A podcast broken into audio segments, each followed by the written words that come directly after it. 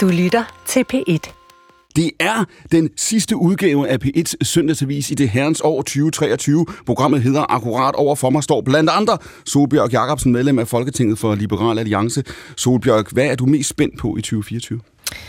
Jamen, jeg er mest spændt på at fortsætte den debat, som jeg synes virkelig har fået luft under vingerne, nemlig om, hvordan skal vores velfærdssamfund se ud? Hvordan skal det indrettes? Øh, jeg synes, der er lidt dansk opbrud. Er det det, er det det sidste, du tænker på, når man er medlem af Liberale Alliance? Det er det sidste, man tænker på om, om aftenen, før man lægger sig på puden for at sove. Det er, hvordan får vi endelig nedbrudt den danske velfærdsstat, Solbjørn? Nej, jeg tænker, hvordan får vi udviklet et samfund, hvor der er langt mere frihed, hvor der er langt mere... Trivsel. Altså nedbrudt den danske velfærdsstat? Som vi kender den. Ja, ja så der kan fødes en ny. Svaret er bare ja. Svaret er bare ja. Svaret er bare, lad os gøre det hurtigt. Vi behøver ikke to timer. Mikkel Bjørn, medlem af Folketinget for Dansk Folkeparti. Samme spørgsmål. Hvad er du mest spændt på i 2024? Oh, jeg kunne godt være lidt spændt på, om SF ender med at gå ind i en regering. Okay, det er det, der holder dig vågen om, om natten? Nej, det er, det er altså ikke noget... Så ved man, at man går op i, i dansk politik. Lavan Hivanamo, du arbejder for det, der hedder Friday. Hvad er det, Friday er i øvrigt? Det er et kommunikationsbureau. Det er det nemlig. Og hvad er du mest spændt på i 2024? Det er overenskomstforhandlingerne på det offentlige øh, arbejdsmarked. Fordi at, øh, altså apropos velfærdsstaten, så kan vi jo se, at øh, samfundskontrakten... Altså hvis der er nogen, der tænker, at det her det er et panel bestående af politiske nørder, så har de da fået, kan man sige. Hvis du er, er det overenskomstforhandlingerne? Jamen, jeg er jo, jeg er jo også arbejdsmarkedskommentator politikken, så det er jo, altså, det er jo mit hjerteblod, det, det her. simpelthen. Altså, hvad, hvor andre sidder og tænker på, bliver Trump genvalgt, og kommer atomkrigen, og hvad ved jeg, så tænker du, hvad med overenskomstforhandlingerne, ikke? Ja, jeg, jeg vil jo ikke sige, at jeg var særlig god til at score i gymnasiet heller, vel? Altså, det er jo ikke sådan sexy emner, jeg er optaget af, men øh, jeg synes, det er spændende. Okay, så du, du, du ser ikke nogen grund til at lægge stilen om, kan man sige? Overhovedet ikke. Der er ikke, du har ikke nogen nytårsforsætter i den retning. Uh, Lars Trier Mogensen, samme spørgsmål. 2024, hvad er du mest spændt på? Hvad effekten af Trumps genvalg bliver, om alle spilleplader... Han bliver genvalgt, tror Ja, det ser det ud til. Og hvad det kommer til at betyde, ikke alene for klimaet. Sidst han var præsident, trak han USA ud af Paris-aftalen. Hvad det kommer til at betyde for Ukrainekrigen, og dermed i virkeligheden for alle de småtterier, vi ellers sidder med herhjemme. Så det er for mig at se den helt store brik på spilpladen i 24. Nu har I mødt panelet direkte fra Nyhedshuset frem til kl. 14. Det er P1 Søndagsvis, den hedder Akkurat, og jeg hedder Clemen Kærsgaard.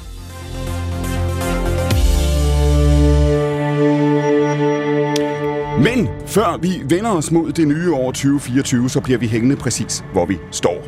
I onsdags, der sluttede COP28 jo i de forenede arabiske emirater.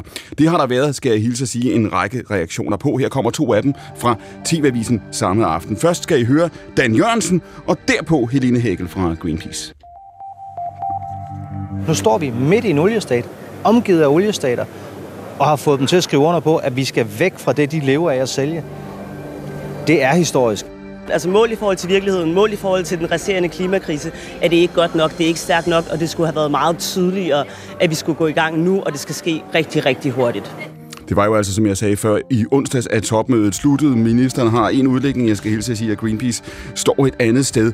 Lars Trier Mogensen, hvor meget, hvis vi starter på den helt store klinge, hvor meget betyder de her kopmøder for hvor vi står på klimaspørgsmålet? Hvilken betydning har de?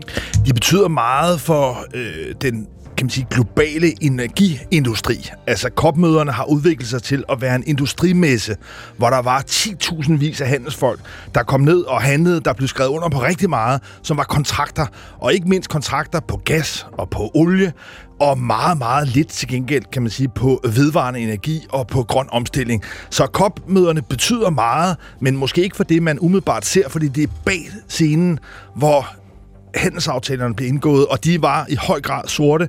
Det er jo på en eller anden måde symbolsk, at lederen af COP28, Sultan øh, Al-Jaber, han ikke alene er direktør for mm. det største olieselskab, men han jo også flere gange har sagt, at når man taler om nu, at vi skal væk fra olie, så er det jo fordi, som han meget ærligt har sagt, før eller siden løber brøndene jo tør. Mm. Og det er det, det er den fortolkning, som man i store dele af verden ligger, det er, ja, vi skal væk fra olie og kul og gas, mm. når de brønde er tømt. Og nu, du, du har jo fulgt den her debat i noget, der minder om 25 år i virkeligheden, ikke? Altså klimaspørgsmålet her. Du har gjort det som, som lederskribent, du gør det i dag som politisk kommentator, som øh, vært også på, på, på, på denne kanal. Der er jo dem, der siger, Lars, og har sagt det længe, at der er sket en bevægelse i præcis de sektorer, du taler om. Man har i energisektoren øh, set øh, skriften på væggen, man bevæger sig i den her retning, og i virkeligheden, i stedet for at kigge på politikerne og deres løfter, og hvad vi sidder og fedter med af, af 2025 eller 2030 mål i Danmark for eksempel, så det meget vigtigere. Altså i det øjeblik, at banker, finanshuse, investeringsfonde osv. rykker, som de gør, så kommer det til at betyde meget mere. Ser du det for dig? Altså ser du, at det her det godt nok har været en supertanker, som har været længe om at vende, men der er ved at opstå en form for markedsmomentum, der alt andet lige trækker verden mod en ikke lige nu, men i de kommende år og årtier, lavere CO2-udledning. Der er ikke nogen tvivl om, at det er markedet, det er driftige iværksættere, store koncerner, som i de her år trækker den grønne omstilling, trækker politikerne med nølende. Problemet er bare, at vi i løbet af 2023 ikke alene har set en række lande herunder Danmark og den danske regering træde på bremsen i den grønne omstilling, men vi har også set en inflation, en høj rente, som desværre har fået mange af de virksomheder, mange af de kapitalfonde, som ellers var i gang med at investere i den grønne omstilling, til lidt at trække følehornene. Så vi har desværre set, og på den måde hænger tingene jo sammen, at mange af investorerne, de gør det jo i en forventning om, at investeringen lønner sig på lidt længere sigt, mm. fordi før eller siden vil politikerne være tvunget til at lade handling følge af deres ord.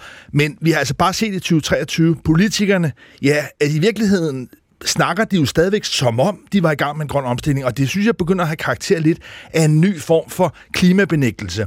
For 5, 10, 20 år siden, ja, der var klimabenægterne dem, der helst altså påstod, at der slet ikke var nogen sammenhæng mellem vores udledning mm. af drivhusgasser og klimaforandringerne. Det, der i, i dag begynder at være billedet, og det man der er mange af herhjemme, det er dem, der snakker som om de handler, som om de er i gang med at træffe skældsættende beslutninger, men i praksis ikke gør noget. Det er for mig at se en ny øh, klimabenægtelse, og problemet med det er, at det kapital boost, der var i gang, mm. det på mange måder har trukket sig tilbage på grund af høje renter, men også fordi, at der er mange investorer, mange store virksomheder, der begynder at blive i tvivl.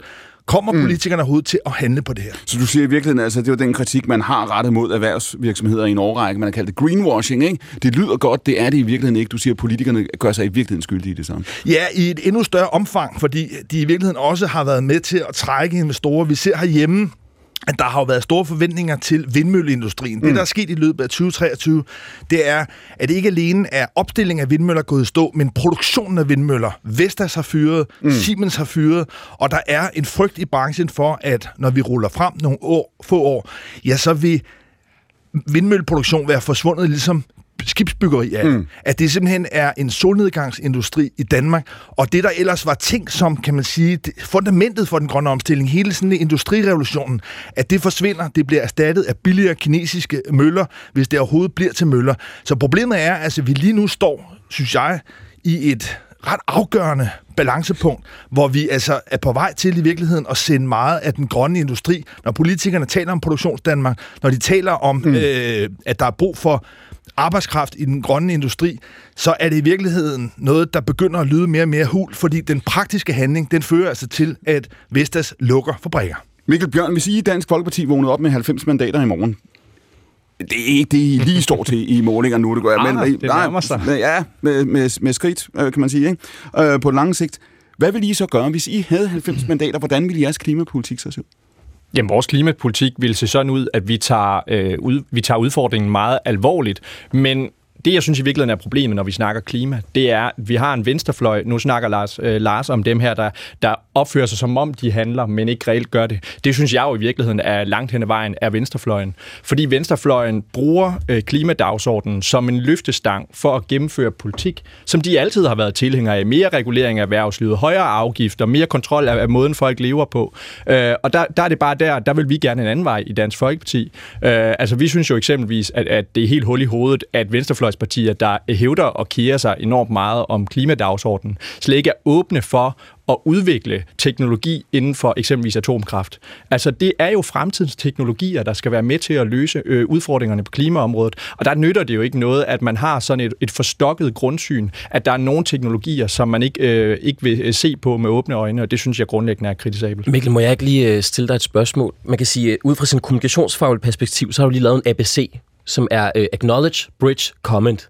Altså, du anerkender, det er et problem, så laver du en bro over, og så kritiserer du venstrefløjen, og så siger Kommer du noget om, om uh, atomkraft. Ikke?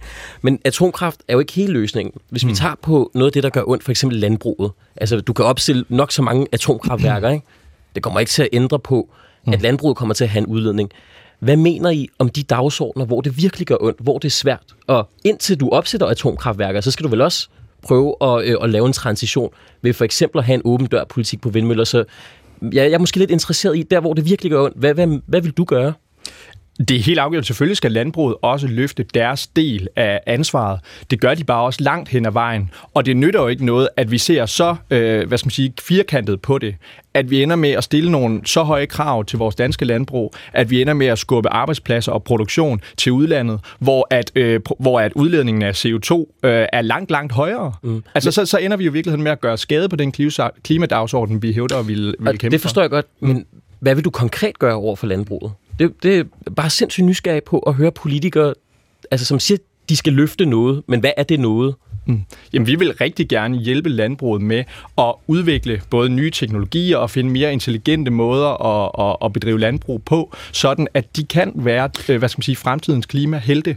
Øh, og det, det synes jeg i virkeligheden er, er målet for os som politikere. Det er selvfølgelig at sørge for, at alle sektorer løfter i flok, men at de ikke gør det øh, over evne, sådan at vi ender med at skubbe arbejdskraft. Hvad, når, nu, når nu Mikkel Bjørn siger før, han er jo ikke den eneste, der siger det, som typisk set siger, at den grønne dagsorden er ved at blive en rød dagsorden. Ikke? Det her, det handler om, hvor meget skal man blande sig. Nu kommer så de her øh, øh, flyafgifter langsomt, men sikkert kan man se, hvordan den her debat, som har været, noget af det i hvert fald i de abstrakte luftlag i mange år bliver mere og mere øh, konkret. Er det, er det ikke på en eller anden måde rigtigt, øh, Levand? Er, det ikke, er der ikke en pointe Jo, men det er jo fordi, de borgerlige har glemt deres John Locke. Altså, det er jo de borgerlige tænkers øh, idé om frihed. Det er jo også, at du ikke har friheden til at skade andre mennesker. Så hvis du havde læst, øh, hvad skal man sige... Øh, bøger om frihed og anden øh, afhandling om styreformer, altså din Miller Locke, så vil du selvfølgelig sige, at selvfølgelig må man ikke udlede over evne. At det, du har ikke ret til pasta bolognese, hvis det skader de næste. Altså, det er en ærke borgerlig sag. Men nu er, nu er det jo også alle sammen, kan man sige, eller de fleste af os, der i varierende grad, som er en, en del af problemet her. Er det ikke det, der vil være Milles problem og Locks problem her, og de borgerlige problemer også, nemlig at sige, jamen altså, det begynder virkelig til forveksling og ligne noget, der ligner statslig regulering og statslig intervention på en plan, vi slet ikke har set før. Hmm. Ja, men man kan sige, du kan også gøre det til et omfordelingsspørgsmål.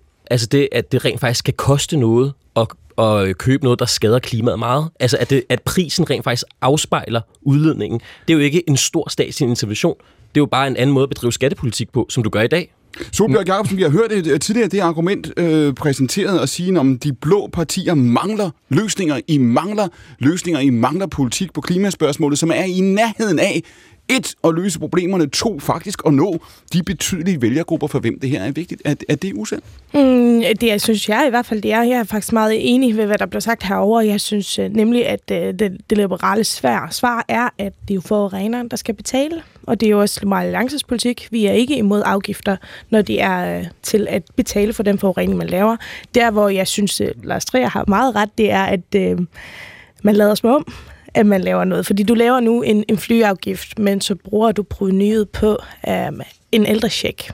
Og der synes jeg, det er meget nærliggende, når vi lægger afgifter på, fordi at det er for at kompensere for forurening, så skal det jo gå til klimakompenserende. Accepterer du, accepterer du Solbjørg, argumentet om, at nu har vi, nu har vi stået, vi har ikke nævnt det endnu, i, i et år, der har slået den ene værrekord øh, efter den anden, og sige, ideen om, at, at vi har god tid til at løse det her, altså ideen om, at vi kan nå at forhandle os frem til det, udvikle os frem til det, øh, på en måde, der gør, at vi ikke kommer til at mærke konsekvenserne, det to er kørt, det er kørt øh, for længst. Så enten så accepterer vi, øh, flyafgifter, kødafgifter, hvad der måtte komme, hvad der måtte følge med, og lader os øh, øh regulere, lader os styre og opføre os anderledes. Øh, eller også kommer vi til at leve med konsekvenserne. Der er, der er ikke nogen verden, i hvilken vi kan lukke døren for det her. Jo, men jeg, jeg ser det meget anderledes fra for eksempel punktafgifter, hvor det er for at få folk til at handle anderledes. Jeg ser ikke nødvendighed for afgifter på hverken kød eller flyrejser, fordi jeg vil have folk til at be, øh, lave noget andet. Jeg ser det for at kompensere for den forurening, man laver. Og nu bragte vi COP28 op fra starten, men, og der synes jeg en meget interessant ting, det er nemlig den Jørgensen har skrevet under et papir, der siger, at vi skal accelerere udviklingen af atomkraft. Det kan godt være, at de ikke skal være i Danmark, men han har faktisk skrevet under på, at det er vi ikke imod men, længere. Men det synes jeg er meget interessant. Jævnfører Jan Lavans øh, pointe før, ikke? Altså, man kan ikke, altså, atomkraften kan løse mange ting, hvis den fungerer billigere og sikker osv. Men der er også ting, den ikke kan løse. Undgår vi, Solbjørg Jacobsen, og, og, og skulle lægge vores liv om for at løse det her? Altså, jeg, jeg ser det ikke som, at vi skal til at uh, lægge hele vores liv om, og nu skal vi til at lave meget mindre. Jeg ser enormt meget potentiale i den udvikling, der er i teknologien, og de muligheder, der er for fremtiden. Det kan godt være, at der er nogle ting, vi skal vende os mm. anderledes til, men det er ikke sådan, at vi skal til at, at leve som i stenalderen, fordi ellers så forurener vi. Det tror jeg ikke på. Jeg synes, det er interessant, tankevækkende at høre nogle af de her principielle argumenter om, hvordan man kan bruge skattesystemet eller nye teknologier. Men politik er nogle gange også mere trivielt og lavpraktisk. Og vi har en regering lige nu, som i høj grad er baseret på, at Venstre mm. har krævet indrømmelser i forhold til landbruget. Og jeg tør godt komme med den prognose, at den CO2-afgift, der skal være på landbruget, bliver ikke så kontroversielt, så dramatisk, som der er bygget op til. Mm. Fordi man har allerede slået fast, at alle de indtægter skal føres tilbage til landbruget. Mm. Og så har Venstres nye formand, Troels Lund Poulsen, også meget klart signaleret, at der skal ekstra penge til. Og de penge findes, fordi Venstrefløjen, som nyttige idioter, har lavet en stor grøn fond, hvor der ligger altså et tocifret milliardbeløb. De penge er allerede i de politiske forhandlinger øremærket til omstilling af landbruget. Så det, der kommer til at ske i 24, det er, at landbruget får den bedste gyldne mulighed nogensinde. For det ikke alene får de pengene tilbage, men de får også tilført et ekstra milliardbeløb. Så, så, så forestillingen om, at det skulle være sådan en borgerlig altså politik, det er jo lidt der, der kondenseret af statsstøtte, landbrugsstøtte. Er det rødt? Er det blåt? I hvert fald er bundlinjen, at landbruget kommer til at få en bestikkelse, en betaling, som jo Altså, og det er de penge fra den grønne fond, som ellers var øremærket til, at man skulle ind og investere i nogle af de områder, hvor det er svært på transporten, i industrien, i energieffektiviseringer. Der, hvor der virkelig er en klimaeffekt. I stedet for går man ind nu og er ved at lave en beskidt aftale, hvor landbruget bliver forgyldt. Det er altså meget jeg ved ikke, man kan sige det dumt, for det er meget sådan en klassisk studehandelpolitik. Det er Mink version 2.0. ja, og, og du kan sige, Mink var jo en indgangsudgift. Mm. Det, der lægges op til her, det er i virkeligheden, at man begynder at føre et, et, en gylden hane ind i øh, landbrugsbedrifterne hvor man vel og mærke får en meget, meget beskeden klimaeffekt. Hvis man gik ind og tog princippet om, at forureneren betaler, mm. ligesom man skal, når man er industri eller man er transport, så vil man relativt let kunne bruge markedsmekanismen til Præcis. at løse det her. Nu går man i stedet for ind, altså år efter år, og pumper penge ind i betaling i støtte. Og når du siger, Trine Monsen, du siger, at det her det er det, der bliver snakket om, det er det, der ligger på bordet, og det vil sige, at den CO2-afgift på landbruget her, nej, den kommer ikke til at være særlig dramatisk. Det bliver en, som er designet efter, måske endda primært efter, at det er noget, som Troels Lund Poulsen skal kunne gå ud og sælge, også til sit bagland. Ja, og til landbrug og fødevare. Bemærk, at de ekspertrapporter, der har været, selvom der er meget, meget detaljeret viden på det her område, så har man ligesom valgt ligesom at skubbe det, sparke dåsen ned nu til foråret, og efterfølgende, ja, så vil der blive nedsat det, de kalder en grøn trepart, hvor pointen er, at interesseorganisationen Landbrug og Fødevare skal have lov til at komme ind og være med til ligesom, at designe det her. Så på den måde er det altså et eksempel på, hvordan noget, der ellers kunne have været et nybrud mm. for nye politiske instrumenter, i virkeligheden bare bliver gammeldags politik. Og den gammeldags politik, det er altså ekstra landbrugsstøtte. Solbjørn? Jamen, det, det, jeg er fuldstændig enig. Det kommer jo til at blive en så teknokratisk løsning som overhovedet muligt, fordi ellers kommer Venstre til at slå sig for meget. Altså nu kommer ekspertgruppen jo til februar med sine anbefalinger, og de kommer til at øh, sætte det ud til en træbar. Det skal, det skal have vasket hænderne så godt og grundigt som overhovedet muligt. Og ja, det bekymrer mig også. Skal vi så bare til at have flere, mere støtte derude og mere? Fordi det er rigtigt, hvis vi laver hvis vi kører med tilgangen om, det forureneren, der betaler, så kommer markedsmekanismerne ind, fordi så vil markedet selv regulere sig og udvikle sig, så at det kan forurene Men Mikkel Bjørn, du står og det næsten, vil jo ske. Du står næsten med, med dollartegn i, i øjnene. Altså, det må vel være en aftale lige efter jeres hoved, dit hoved, at man bare betaler landmændene nogle ekstra penge? Det ved jeg ikke. Altså, efter, øh, jeg synes jo grundlæggende, at øh, måden, vi løser klimaudfordringer på i dansk politik, at de er helt, helt øh, forkert skruet sammen. Altså, jeg er sådan set meget enig med Bjørn Lomborg, når han siger, at jamen, prøv at høre, vi kan, vi kan bruge en tiende del af de midler, vi bruger globalt på at, øh, at forsøge at begrænse øh, øh, klimaeffekterne. Og så kan vi forsøge at begrænse konsekvenserne af klimaeffekten i stedet for. Og det vil have langt, langt større effekt. Altså, det er lidt sådan i øh, mentaliteten i forhold til klimaudfordringerne. Det er sådan noget, det, det skal gøre ondt på danskerne. Det skal gøre, og det skal kunne ses i det fysiske landskab. Hvis ikke man kan se vindmøllen, og hvis ikke det generer en inde i maven, så, så, så er det ikke rigtig en god Men lad os lige løsning. lad os lige holde fast i princippet her, fordi man kan jo sige, at det er jo øh, diskussionen om, om, om landbruget her. Vi ved, at den har fyldt meget. Altså, I virkeligheden, Lars Trier man kunne sige, die Altså, det har i hvert fald været, eller har udviklet sig til at ligne en meget stor del af historien om Venstres nedtur også de senere år, har været præcis det her spørgsmål i virkeligheden, ikke? Ja, fordi landbruget fylder jo økonomisk efterhånden meget lidt, men også vælgermæssigt. Selv i Venstre, det gamle landbrugparti, der er der efterhånden, også fordi partiet er styrtdykket ned og har så få vælgere, så er der efterhånden kun ganske få tusind vælgere, så i, selv i Venstre, som kan siges at ernære sig ved landbrug, og ydermere meget, meget få, som rent faktisk ville blive drevet fra, fra, fra hus og gård, hvis man indførte princippet om, at forurener betaler. Så på den måde er vi jo nede i, at en helt, helt lille sekterisk særinteresse har kabret hele det store politiske spil. Og lad, lad, lad, lad mig lige prøve at spørge dig her, fordi hvad, hvad er det, vi ser med det politiske landskab på det her klimaspørgsmål? Hvis vi prøver at skrue tilbage i 2019, der, da Mette Frederiksen bliver valgt som statsminister, hun bliver, kommer til, til magten på et, et rødt grundlag, et regeringsgrundlag osv. Dengang bliver det udråbt rigtigt eller forkert som et klimavalg, hvor man siger, nu er vi mobiliseret, der var en varm sommer i 2018, nu har det her simpelthen materialiseret sig. Så har vi alligevel stået i fem år og kunne være i tvivl. Øh, vi hører også Lars Trier Mogensen i virkeligheden starte den runde her ved at sige, dybest set så kan man se øh, udviklingen glide tilbage. Vi har lige set Storbritannien gå ud og erklære, ja, vi ønsker at leve op til klimamål, men ikke med de midler, vi, øh, vi egentlig havde øh, valgt at vand. Hvad, hvad kommer det her til at betyde? Bliver det her, jeg har sagt, så polariserende, så opdelende, så kløftegravende, som vi så udlændingepolitikken være for 20 år siden? Mm, det kan man jo allerede høre. Altså, altså det, er jo blevet, det er jo værdipolitik, klimapolitik efterhånden, fordi det også bliver sådan, øh, har du ret til at spise en bøf, eller har du ikke ret til det? Men jeg synes i virkeligheden, at det vi har set i dansk politik det seneste år, det er i virkeligheden, at mm, regeringen var jo i virkeligheden et projekt, som handlede om at gøre op med særinteresser. Men nu har vi fået en regering, som i virkeligheden forstærker særinteresser i det danske samfund. Så jeg tror ikke, jeg tror godt, du kunne løse det her problem, hvis politikerne rent faktisk turde tage de opgør med de særinteresser. Men det er jo det, som man ikke har mod til. Så du siger, det, altså, du siger i virkeligheden, altså SVM-regeringen kom til på løftet om at sige, vi nu takler vi øh, de hellige køer, nu gør vi de ting, som ingen tør røre ved, og de har gjort det om Fuldstændig. Jamen, så, så aflyser vi åben dør-politikken, som er i nogle bestemtes interesse. Så, forskyder, så øh, altså, altså, udrykker vi øh, hvad skal man sige, landbrugsaftalen væk. Seniorpension, som vi også vil tage et opgør med, som fagbevægelsen er stærkt imod, der tror jeg, man brænder lidt for meget. Så, så laver man også om på det. Så alt det svære, som man havde sat sig for at gøre, det har du i virkeligheden udskudt. Og det viser i virkeligheden, at den regeringskonstellation, du har lavet nu, som måske var frem til 2026, den er ikke i stand til at gøre noget omfattende eller stort. Så derfor så tror jeg, at analysen er, frem til 2026, der kommer ikke til at ske noget som helst.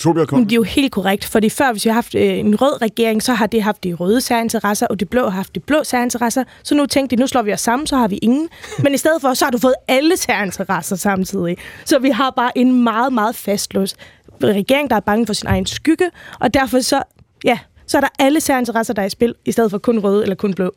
Det siger Solbjørg Jacobsen. Hun er medlem af Folketinget for Liberal Alliance. Hun er i panelet i dag sammen med Mikkel Bjørn, hendes kollega fra Dansk Folkeparti. I hørte Levan Himanamo fra kommunikationsbyrået Friday. Han er også en del af panelet, samt jo altså politisk kommentator, podcast og radiovært Lars Trier Mogensen. Det er direkte fra Nyhedshuset helt frem til klokken 14. Årets sidste udgave af akkurat vores søndagsavis om tidens og verdens største spørgsmål. Og nu bliver vi faktisk i Danmark på dansk politik, hvis man kan kalde det det. Krigen mellem Israel og Hamas har jo altså varet siden starten af oktober. Der var ikke gået mange dage, før Mette Frederiksen lagde blomster ved den israelske ambassade. Dengang blev hun spurgt af en journalist, en af mine kolleger fra TV2, om hun havde tænkt sig at gøre noget lignende for at vise støtte til palæstinenserne. Hun beskyldte ved den lejlighed journalisten for at være historieløs. I den her uge, der blev hun spurgt ind til det samme emne. Det var tirsdag, hvor hun mødte pressen på Christiansborg. Dengang var det en journalist fra Politiken, der i virkeligheden ville høre, om øh, regeringen har ændret holdning. Det lyder sådan her. Kunne du forestille dig at lægge blomster øh, til ære eller for at mindes de civile ofre i Gaza, i Palæstina? Ja, selvfølgelig da. Selvfølgelig kunne jeg da det. Hvorfor synes du, det var et upassende spørgsmål sidst, du blev øh, stillet det? Jeg vil ikke gå ind i en diskussion med en af dine kolleger for rigtig lang tid siden. Du spørger i dag, om jeg som dansk statsminister øh, kunne finde på at lægge blomster for civile ofre i Gaza. Der er svaret selvfølgelig og aldeles og entydigt ja. Og hvad, og hvad, har ændret, og hvad har ændret sig siden sidst, du blev spurgt, hvor du stod foran Israels ambassade der er, ikke, det der? Der er ikke noget, der har ændret sig. Der er ikke noget, der har ændret sig, siger statsminister Mikkel Bjørn. Er det rigtigt? Nej, jeg synes, det er afgjort, at der er noget, der har ændret sig i, i, i retorikken. Øh, det synes jeg da. Øh, jeg vil sige, jeg har jo egentlig været meget glad øh, for regeringens, øh, hvad skal man sige, indledende, meget, meget utvetydige opbakning til Israel i, i den her krise, og den øh, synes jeg da, de skulle holde ved.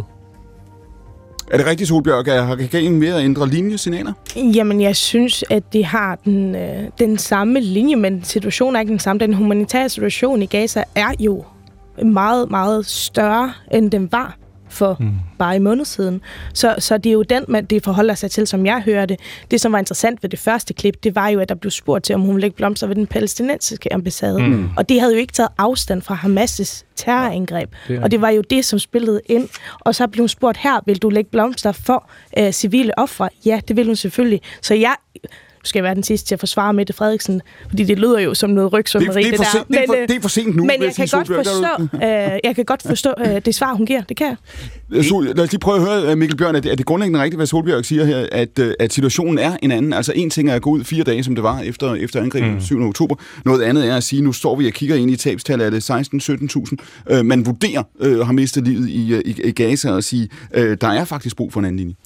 Øh, det er klart, altså der er jo forskel, når, når der er gået tid, øhm, og det, jeg synes, det havde været upassende, særligt foran den øh, palæstinensiske ambassade kort efter terrorangrebet. Øh, så der er jeg sådan set grundlæggende enig med, med Solbjerg, fordi jeg synes, der er en grundlæggende moralsk forskel på det, at der går terrorister ind i Israel og øh, med, har til hensigt at henrette øh, familier, børn, øh, voldtage kvinder i et væk, øh, uskyldige festivaldeltagere, der bliver slagtet, øh, og så det, at der er nogle uskyldige civile, der dør øh, i angrebet mod nogle terrorister øh, utilsigtet. Altså, rigtigt? de to ting er grundlæggende moralsk vidt forskellige, og det synes Var det rigtigt, Mikkel Bjørn, at Danmark har stemt for en, en våbenhvile forleden dag, som I gjorde i FN?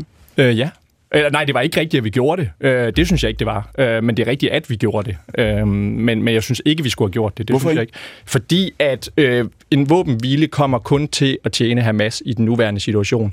Israel er nødt til at slå utvetydigt tilbage øh, mod den terror, de er blevet udsat for. Og hvis ikke de gør det, så sender det et signal til alle de stater, der ligger omkring Israel, som ønsker grundlæggende at udslette Israel fra øh, jordens overflade, øh, om at jamen, det er helt okay at angribe Israel. Øh, du kan slagte børn og kvinder og voldtage i et væk. Det har ikke nogen konsekvenser. Det er ikke et signal, vi kan sende til terrorstater omkring Og Israel. vil jeres holdning i Dansk Folkeparti være den samme, uanset hvad øh, øh, der sker? Altså hvis vi kommer til at se de kommende uger eller måneder, at tabstallene stiger på, på Gaza-siden, som de gør i, i de her uger, vil I så sige, ja, nej, der er ikke grund til nogen øh, øh våbenbil. Det vil stadigvæk være den Jeg synes, det, jeg synes, det er helt grundlæggende øh, forkert analyse at gøre det op i tabstal. Der døde flere tyskere på, øh, øh, i 2. verdenskrig, end der døde englænder. Øh, fordi vi, vi øh, tæppebombede øh, også øh, tyske byer under 2. verdenskrig i kampen mod nazismen. Det er nødvendigt, men der er forskel på at, at intenderet angribe civile, altså sige, nu går vi efter civile, og så det, at civile dør utilsigtet. Når der dør så mange kvinder og børn her, Mikkel øh, mm. Bjørn, på Gaza-siden her, så må man jo sige, det er jo ikke fordi, at, øh, at Israel rammer dem, de siger, de vil ramme, så, så øh, holder sammenligning. Forhåbentlig dør der en masse terrorister, og forhåbentlig er det dem, der er målet for de, terror, øh, de angreb, som, øh, som Israel retter mod terrororganisationen Hamas. Øh, Og det er klart min analyse. Lavan? Mikkel, må jeg ikke lige spørge dig? Fordi jeg synes, du har fuldstændig ret i, at selvfølgelig er der en moralsk forskel. Mm.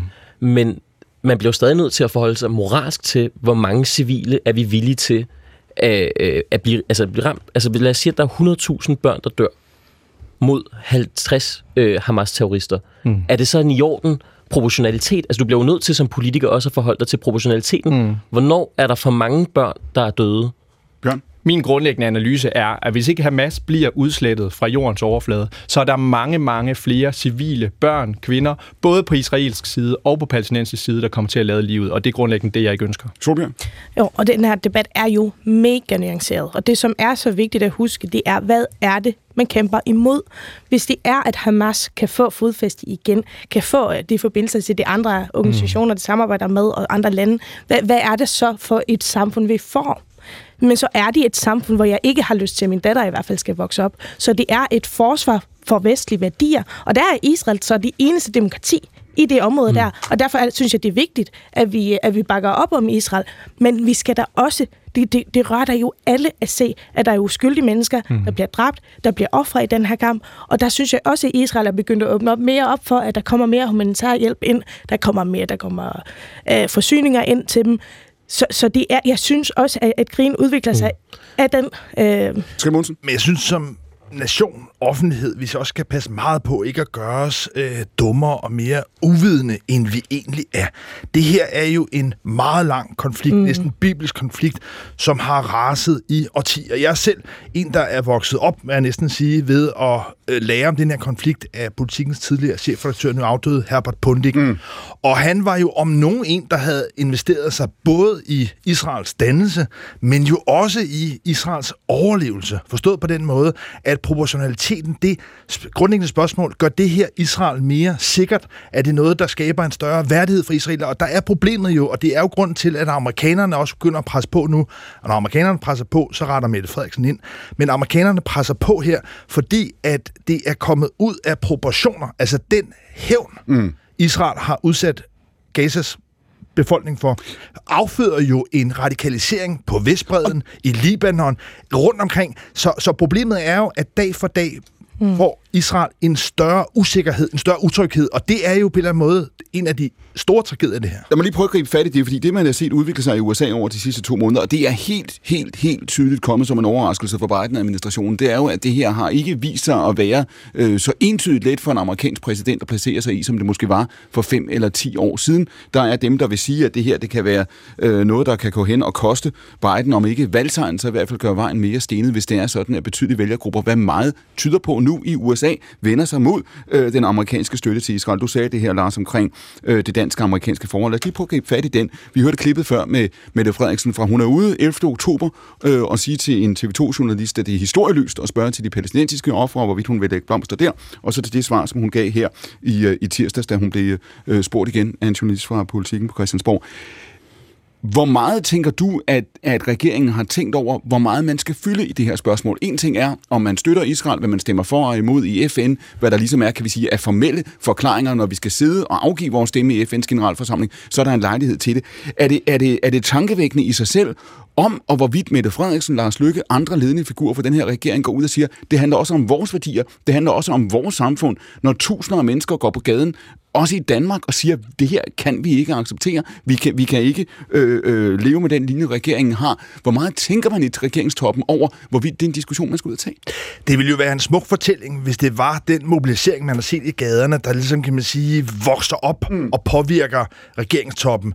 Det tror jeg ikke, man skal regne med, at det er den faktor. Jeg tror i allerhøjeste grad, det netop er, at den amerikanske regering, men jo også en lang række europæiske regeringer, forsøger rent faktisk nogle af de stater, som har den diplomatiske kraft og militære muskler til rent faktisk at så kunne spille rolle, siger... at de har ændret kurs, og så retter Danmark ind efter. Det er ikke uh, mobilisering, den pro-palæstinensiske mobilisering i gaderne, der er påvirket. Så du siger, du siger, okay, så du siger Mette Frederiksen her, Lars Lykke, de lytter mere til Pennsylvania Avenue, end de lytter til Nørrebrogade? Ja, det må man sige. Altså 1-1-0 eller 0-1, afhængig af hvem du stiller først. Altså, det er helt klart, øh, den, hensyn til USA, det var jo det samme, vi så i den her koranlov, hvor vi havde sådan et bizart forløb herhjemme, hvor det blev fremstillet som om, at det ligesom var et eller andet dansk diskussion. Det var jo også noget, der var eller, i allerhøjeste grad noget, der var blevet presset igennem men, fra Washington. Men lad os lige prøve at holde fast i den. Altså, nu kan man sige, nu står regeringen jo, nu har regeringen jo et problem med mere end én vælgergruppe i øjeblikket, ikke? Fordi ellers ville de ikke kunne stå i målingerne, hvor de står nu, Lars Trier Mogensen. Men, men er der en eller anden fortælling her, hvor bukserne er ved at sprække? Altså den brede regering, SVM-regeringen, vi talte om den før, hvor, hvor, hvor, hvor Laverne siger, at Solbjerg tilslutter sig det her med at sige, at man har ikke kunne løse de problemer, man, man, man, man gerne ville. Er denne her regering ved at koste, kan man sige, Socialdemokratiet forbindelsen til en række af de venstrefløjsvælgere, som ville være nødvendige, hvis den skulle fortsætte? Ja, det, det synes jeg er for, øh, for skarpt at sætte op, forstået på den måde, at Mette Frederiksens strategi, hendes øh, overlevelsesstrategi, magtkynisme, har jo netop baserede sig på, at hun kunne tillade sig at ignorere venstrefløjsvælgerne, velvidende, at de nok skulle falde ind i folden og give hende opbakning, når det kom til stykket. Og så har hun så rykket ind over midten, som jeg sige, jeg tror mere af problemet her for Mette Frederiksen er, at hun i virkeligheden spiller på to strategier. Det ene, det er, at en meget pro israelsk kurs, som vi også så under corona, hvor hun var nede og støtte øh, Benjamin Netanyahu, at det har været en middel for hende til som at signalere på nogle andre områder end sådan ren udlænding, at hun er på linje med Dansk Folkeparti, altså hun er blevet som vælger, men så er hun altså også bare blevet fanget her nu af, at de stormagterne, ikke mindst USA, ønsker en, en mere afbalanceret kurs. Ja, øh, lad os lige høre her, Mikkel Bjørn, bare hurtigt svar på den. Det her, er det også indrigspolitik? Altså kommer vi til at se, hvis denne her krig øh, øh, fortsætter, hvis denne her konflikt mm. fortsætter, mm. kommer vi til at se i løbet af de næste måneder efter nytår også, at det her går over og bliver et spørgsmål også om, om vores værdier, om øh, terrorrisiko i Danmark, fundamentalisme i Danmark, ytringsfrihed i Danmark, og det her i virkeligheden, kan man sige, genoplever en, en udlændingedebat, som har været relativt øh, lavmældt, ikke? Det kan du jo se, det er. Altså nu, er der lige, øh, nu har man lige fundet terrorister på dansk jord, øh, som angiveligt har øh, palæstinensiske forbindelser, så ja, helt åbenlyst. Og når vi kan se flere tusind mennesker vandre på gader og stræder og råbe på jihad og Israels udslettelse, og jeg ved ikke hvad, så er det da et indrigspolitisk spørgsmål. Og det, jo, det er jo ikke alle de demonstranter, der går Nej, det er det ikke, men, men, det er det ikke, men det er alt, alt for mange. Og det er et, et vidneudsagn om, at vi har lukket mennesker ind i vores land, der bærer nogle værdier med sig, som er grundlæggende fundamentalt forskellige fra vores, og som i første omgang aldrig nogensinde burde have været her. Både Ukrainekrigen og Gaza-konflikten er drevet af nostalgi i ordets oprindelige betydning. Det siger Jeppe Bensen, journalist på Weekendavisen. Han står her nu. Velkommen til programmet, Jeppe. Hvad er det, nostalgi betyder? Det er en smertefuld længsel efter et hjem. En smertefuld længsel efter et hjem. Og du siger det her med, at i virkeligheden er der en form for, for fælles tema her. Et ekko af, af de samme temaer, både i Israel-Gaza-konflikten, som vi diskuterer, i Ukraine-Rusland-krigen, mm. som vi vender os til øh, efter radioavisen. Hvad mener du med det? Jamen, du kan jo se på den måde, Putin øh, til sine egne vælgere ligesom har forsøgt at, at øh, øh, argumentere for krigen ved, at han vil opbygge den russiske mir, den russiske verden, som vi bygger på mm. en, en gammel forestilling. I virkeligheden er det jo en, en regressiv bevægelse. Når man hører palæstinenser forsvare, hvorfor de går på gaden i Danmark i dag, så er det, for, så er det efter et minde om at vende hjem til bedsteforældrenes olivenlund. Ikke? Og du hører jo israelere sige det samme, bare med omvendt foretegn. Det hele handler om ligesom at, at, at vende hjem til noget. Og på den måde er alle konflikterne jo på en eller anden måde en, en øh, forhandling om retten til at definere øh, fortiden. Ikke? Ja, det siger du. Der er virkelig sket et fokusskift her, hvor du siger, at vi er, der, der er sket noget, hvor, hvor det, det bliver en, en kamp om, om fortiden, øh, både længslen efter den, men i virkeligheden også måske baseret på en fejlagtig opfattelse af, hvad den var, eller hvad? Hvad, hvad var undskyld? En fejlagtig opfattelse af, hvad fortiden var. Ja, det kommer jo meget på, hvem, hvem man spørger, ikke? men min pointe er bare, at der er få, der taler om fremtiden. Det handler om, at vi ligesom skal definere, øh, hvordan tingene var engang. Øh, jeg sad øh, i, øh, i Sofia i Bulgarien i tirsdags og mm. interviewede ham, øh, forfatteren, der hedder Georgi Gospodinov, som vandt øh, Booker-prisen i år for den bog, der hedder øh, Tidskapsel Time Shelter. Ja. Øhm, og vi snakker om det her, og en af hans pointer var, jamen, måske burde vi kalde det øh, Kronos Gia i stedet for, altså længsel efter en bestemt tid. Altså det handler om, hvordan man øh, længes efter at øh, leve i en, en udvalgt periode af, af historien, ikke? Mm. Der er altså jævnført dem, der sidder og ser Friends klip hele tiden, ikke? Og kan vi være, skal vi sige, fanget i, altså siger, det er den boble, vi vil være i, ikke? Jo, det kan du sige, men, men jeg synes faktisk, det gennemsyrer hele vores øh, kultur i dag. Altså nu så vi lige Taylor Swift vinde øh, Person of the Year i Time Magazine, ikke? Ja. Ja, og hun er jo om nogen en kunstner, som er altså, vundet frem ved en sådan en mm. nostalgisk balkjole-æstetik, øh, både i lydbilledet, men også i musikken. Altså når jeg hører hendes musik, øh, selvom hun påstår at være så progressiv, som man kan være. Ikke? Når jeg hører hendes musik, så, så er det som at se en gammel valgkampagne fra Ronald Reagan i 84, ikke? hvor han sagde, It's morning again in America, og man så sådan en vildevejs stabilitet. Øh, det, det er det samme, hun forsøger at sælge, ikke? og hun har lige været på turné med... Altså, i, i, altså hvis, man, hvis jeg kender læserne af Weekendavisen ret, vil de jo ikke føle, at der er noget forkert i det. Vi gør os meget ud med, med at omfavne øh, alle tilbøjeligheder, ikke? Jo. jo. Var, lad, lad mig lige prøve at høre, nu spillede du ud med John Locke og, og, og John Stuart Mill før, ikke? Øhm, jeg kommer til at tænke på Fukuyama. Når Fukuyama talte om The End of History, hmm. historiens endeligt for, for, for 30 år siden, hmm. så talte han jo også om det, han kaldte øh, historie og posthistorie. Hans analyse gik jo på det tidspunkt der omkring murens fald på, øh, Jeppe, at sige, der er nogle dele af verden, hvor vi er posthistoriske. Vi er hmm. ikke længere optaget af fortiden. Vi går ikke op i at slå hinanden ihjel og definere vores grænser. Vi er forbi det, øh, og vi lever i, i dybest set de der liberale drømmedemokratier. Men, ja. sagde han så, det var den anden side af analysen, der er så dele af verden, der stadigvæk er meget den history, sidder fast, kan man sige, i konflikter. Det var det, man så, det var sådan, man læste i hvert fald omkring øh, øh Balkan jo åbenlyst op igennem 90'erne. Og så var der forestilling hos Fukuyama om, at det ville man bevæge sig væk fra. Når du taler om den her nostalgi, så er det i virkeligheden stadigvæk folk, kan man sige, der, der, der er fanget i historien, ikke? Øh, jo, både, både og. Jeg tror også, der håbede sig op af en anden grund, fordi noget af det, Fukuyama også sagde, var, at den største øh, fare ved øh, den liberale sejr var, at vi ville komme til at, at kede os for meget. Mm. Så det ville ligesom komme til at opruste os selv. Og jeg tror, der har været sådan et, øh, et pres fra nogen, måske nogle mere sådan øh, romantisk anlagte typer, som har gået ligesom at vente på nogle, nogle nye slag udkæmpet, fordi det har manglet. Og det er også derfor, at når jeg siger, at, at hjem og, og uskyldstab er, er de bærende tema for i år, så handler det jo også om, at Ukrainekrigen ligesom har affødt nogle, øh, nogle bekymringer og nogle overvejelser for altså en generation, som har, været, som har vokset op med den der liberale fortælling om, at de store slag var udkæmpet. Og nu ser vi Gaza-konflikten, som jo også vækker nogle bekymringer, øh, som ikke kun, altså måske før i tiden var, var mere forbeholdt dem, der havde slægtninge, som altså, havde minder om øh, øh, altså krigen i 73 for eksempel. Ja, ja. Øhm, men nu ser man jo også altså, den jødiske skole og jødiske øh, lokationer, så som de siger, sagde i PC forleden dag. Ja. Så lad os lige, hvis vi prøver at holde fast i Fukuyama et øjeblik, så var tanken jo at sige, at altså, jo længere frem vi ville komme, jo flere år der ville gå, jo flere af os, jo flere lande verden rundt, jo flere folk vil ligesom bevæge sig ud af historien og, og komme et andet sted hen. Og så siger du, den, den udvikling, vi ser nu, er i virkeligheden præcis det modsatte. Fuldstændig. Nu, nu, det er derfor, jeg nævnte det med årtierne. Det handler om ligesom retten til at definere, hvilket parti man helst vil leve i. Det er jo ligesom, altså, det, mm. folkeafstemningen handler jo om fortiden. Mikkel Bjørn, hvilket årti vil du helst leve i? Åh, oh, øh, det er jo et godt spørgsmål. Uh, jeg, jeg synes, 1850'erne var det. Ja, det er, oh, det er et godt, klart svar, ikke? Ja, ja. ja. ja. Hvad hedder det? Det er en... Ja. Jeg er jo lidt gammeldags anlagt. Ja, så, uh... men trods alt 1850, ikke tidligere end det, ikke? Ja, det, det, ja, men, altså, jeg vil helst heller ikke uh, henrettes. Uh, Nej, det er lige balancen mellem ikke? Nej, ja. altså, ja, det vil være træls. Så jeg tror, jeg tager 1850'erne, hvis det skal være. Solbjørg, kan du genkende det her, som, som Jeppe siger, at der er i tiden, og det er jo bestemt ikke, det er jo en analyse, vi har hørt i forskellige udgaver over, over en årrække nu, at der er i tiden en, en, en nostalgi, øh, som, som i øjeblikket accelererer en lille smule? Jo, men jeg synes også, det handler meget om, hvis, når man har et frit, liberalt demokratisk samfund, så har du også frihed til at måske have lyst til personligt at være konservativ. Jeg synes øh, eksempelvis, det er meget interessant at se mange øh, kvinder på min alder, mm. der går i uh, trad wife, Hmm. Det vil gerne være traditionelle kvinder, som, som jo er om noget en, en længsel efter en anden tid, end, end vi har i dag. Og der synes jeg, der vi kommer vi lidt ind på, skal der være plads til det? Så det er bare for at definere forskellen Men nej, jeg, jeg. Vil, jeg for dem, vil der, for ikke dem, for dem, tilbage i tiden. Nej, jeg skal bare lige høre, Solbjørg, fordi dem, der sidder derhjemme nu og tænker, nå, ja. nu rykker de på P1, ikke? Nu får vi afgjort den med, med kønsrollerne en gang for en anden. Det vil sige, når du er trad wife, siger du.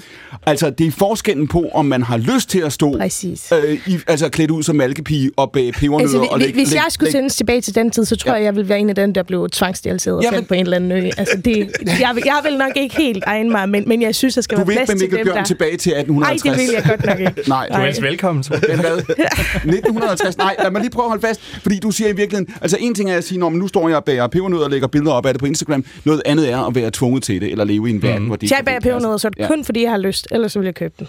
Hvad? Jeg tror, jeg vil gerne udfordre øh, analysen en smule. Øh, for det første, jeg er kæmpe Taylor Swift-fan, og, og, og sætte hende i den der kategori, så har du ikke hørt øh, Folklore-albummet. Hun gør faktisk også meget for at gøre op med The One Percent, der har skrevet flere sange om det, så mm. der synes jeg, at du skal øh, lige tilbage til researchbænken og høre lidt med Taylor. Du vil gerne på, på Centrum Venstrefløjens øh, egne her reclaime Taylor Swift. Fuldstændig. Ja. Men så er der en anden ting. I forhold til hele det her med nostalgi, så tror jeg, en anden udlægning af tendensen, som du rigtigt beskriver, Jeppe, det er jo også, at vi har en aldrende population i Europa. Mm. Altså, der er et flertal af vælgerne, der er plus 50 år. Og det vil sige, at der er stor øh, incitament for politikere til at appellere til den målgruppe. De fylder også bare mere, fordi Undskyld, de er kalder du lige folk over 50 for aldrende? Det må man sige, ja. Okay. Ja, det er jo, som en erfaren, det er jo ikke en dårlig ting at være aldrende. Så, så, så skulle, bare være, skulle bare være sikker. Ja, ja, hvis man bliver fornærmet over det, så har man nogle mindre værtskomplekser, jeg tror, man skal arbejde med. Men, men, men pointen er i hvert fald bare, at når vi har den nostalgi, så skyldes det jo også, at vi har en øh, befolkning, der jo bliver ældre og ældre. Så jeg tror lige så meget, det bare har noget med antal at gøre, og at det giver mening for politikere også at appellere til dem min kritik er ikke af Taylor Swift øh, musik som sådan, selvom jeg synes, den er kedelig, men hun har jo øh, åbenlyst noget kørende for sig. Det er, det er perceptionen af hende, jeg taler om. Ikke? Det, er jo, det er jo primært unge, der ligesom møder op for at dyrke den der 1950'er øh, æstetik, eller hvad det er. Øhm, men, men det med den aldrende befolkning, altså det er jo, hvis du kigger bredt rundt, og nu kaster nok lidt vand på Mikkel Bjørns mølle, ikke? Men, men det er jo, de unge vælgere i Europa er jo sådan set noget mere konservative, mm. end, øh, end deres forældre har været. Altså, du kunne se det på valget i Spanien, for eksempel. Mm. Vi står og læner os op en radiovis. Therese Moreau, du skal først være med i en time to, men du står og ryster på hovedet. Hvorfor det? Jamen, simpelthen fordi jeg har været Taylor Swift-fan i noget, der minder om 15 år. Øh, jeg har været igennem alle de her forskellige eras, som hun er så øh, pokkers kendt for, så jeg er simpelthen bare nødt til at sige, det er ikke korrekt. Øh, der er også øh, der er masser i hendes fanbase, som er fuldstændig ligesom mig. Sådan helt øh, basic, rimelig fremadskuende øh, kvinder, og sådan set også mænd, som øh, ingen nostalgi har omkring øh, 50'erne eller 1850'erne eller nogen af de andre. Og man skal også huske på, at Taylor Swift har faktisk haft ret mange forskellige perioder, ja. lavet ret meget forskellig musik. Jeg, jeg bliver bare nødt til at anholde det med vælgervandringer, fordi når du for eksempel kigger på UK, hvem var det, der stemte for at stemme britterne ud af øh, EU, det var altså nogle af de ældre generationer, så, så vi kan ikke lave øh, øh hvad skal man sige, den kobling og sige, at de unge stemmer konservativt i Europa. Jeg tror, det er opdelt på forskellige lande, men, men øh, jeg, jeg tror ikke, det er så entydigt, som du lægger det ud til at være. Når du siger det her, Jeppe, lad os lige prøve at holde fast i, øh, i din analyse her, bare det sidste minut op til, øh, til, øh, til radioavisen. Hvis du har ret i det her med at sige, det er en længsel efter det, det vi ser i Israel, Gaza, vi ser det i, i Ukraine og Rusland også, og så altså også andre steder, også, også hos os selv. Det er en længsel efter øh, fortiden, det er en længsel efter at, at, at vende hjem. Hvad er det, der gør det så specielt vanskeligt at bedrive politik på? Altså hvad der sker med de diskussioner og de magtkampe, der opstår, når det er sådan, vi tænker? Jeg tror, det er enormt nemt at bedrive politik på den måde. Jeg tror, det er svært at hæve sig over det. Det er jo sådan set bare derfor, jeg siger det for at problematisere det, at det ikke er langtidsholdbart. Det er jo længst siden, vi har talt om fremtiden. Selvom de mest progressive klimaaktivister taler om at være den sidste generation. Ikke? Mm. Der er jo ikke salg i fremtiden, desværre. Er det rigtigt, Lars Trier? Der er ikke salg i fremtiden? Og det tror jeg der er. Altså, det, det er en god vare. Og jeg tror også, man i hele det der nostalgitrip skal huske, at der hele tiden kommer altså, nye forretningsmetoder. Taylor Swift, der er ikke nogen mælkepige i historien, der har tjent lige så meget som hende. Og når vi tager nogle af de der gamle bibelske konflikter, så bliver det altså også ført med øh, moderne teknologi, der dræber ubegribeligt. Så fremtiden er her. Okay, så på den altså, ja, krumme af optimisme, der slutter vi disse 45 minutter af Akkurat. Men vi er tilbage på den anden side af radioavisen. Den kommer her, for dette er Danmarks Radio program 1, og klokken er 13. Det er årets sidste udgave af vores søndagsavis, som jo så er tilbage på den anden side af nytår. 7. januar. Jeppe Bensen, du erklærede jo herop mod radioavisen, at vi lever i en form for nostalgiens øh, epoke. Hvad er du mest spændt på, når du ser frem mod 2024? Jamen, i forlængelse af det er jeg meget spændt på, om øh, Jeremiadernes mester, Donald Trump, vender tilbage. Ja, nu hørte vi jo Lars Trier Mogensen i virkeligheden starte time 1 ved at sige, det gør han. Er mm. du så over sikker på det? Det tror jeg faktisk også, han gør. Hvornår, hvornår begyndte du at betragte det som det mest sandsynlige udfald af...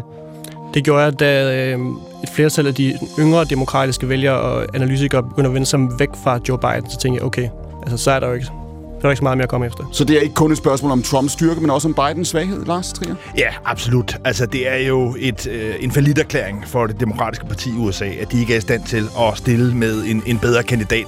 Altså, hvilken, næsten en, en hest vil kunne øh, klare det bedre end Joe Biden.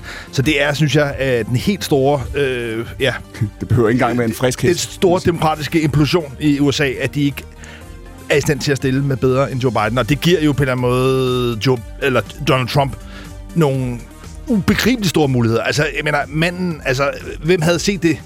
I sin tid var der ingen, der troede på det, men det er en grotesk situation. Altså, det her er I Joe Bidens nederlag. Men ja, lad os tage du siger i sin tid, men er, det ikke, er der ikke sket noget, hvis man, hvis man har været væk fra P1 i 3-4 måneder, og, og tænder for radio nu og hører folk, det, du har lige sagt det, og Benson har lige sagt det, I dybest set analyserer på basis af, at Trump vinder igen. Det er jo, det er jo virkelig den sikkerhed, kan man sige, eller den drejning i analyserne, den er relativt ny, ikke?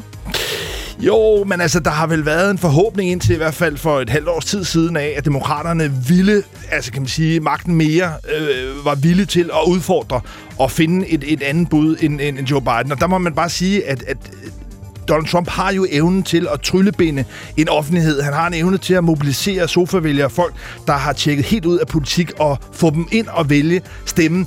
Og det er den faktor, altså Trump han demobiliserer de unge, fra at stemme på Joe Biden og få de gamle ind og stemme på sig selv. Mikkel Bjørn, vil det være en god eller en dårlig ting for USA og verden, hvis Donald Trump vinder igen? Ja, det kommer meget an på, hvor isoleret du kigger på nogle specifikke dagsordner. Vil det afgjort øh, være en god ting? Øh, om det vil være en god ting helt overordnet set, det er jeg mere i tvivl om. Der, der kunne jeg godt ønske mig en mere sådan lidt mere almindelig øh, borgerlig konservativ øh, kandidat. Øh, Ted Cruz eller en, eller en anden lignende øh, kandidat. Hvad vil være det bedste ved en Trump-sejr? Hvor, hvor ser du, at han faktisk vil bringe noget til bordet? Det gode ved Trump er jo, at han, han spiller ikke, og der mener jeg ikke, øh, han spiller jo ikke helt efter nogen af de samme spilleregler som de andre. Og det vil sige, det her med at, øh, at lade embedsværket påvirke mange af de politiske beslutninger, øh, der er han jo grundlæggende mere enrådig. Og det tror jeg også på nogle dagsordner er nødvendigt, eksempelvis i forhold til grænsepolitik og andre ting. Øh, så, så der synes jeg, at der er en styrke, øh, men, men jeg kan også være bekymret på nogle andre områder.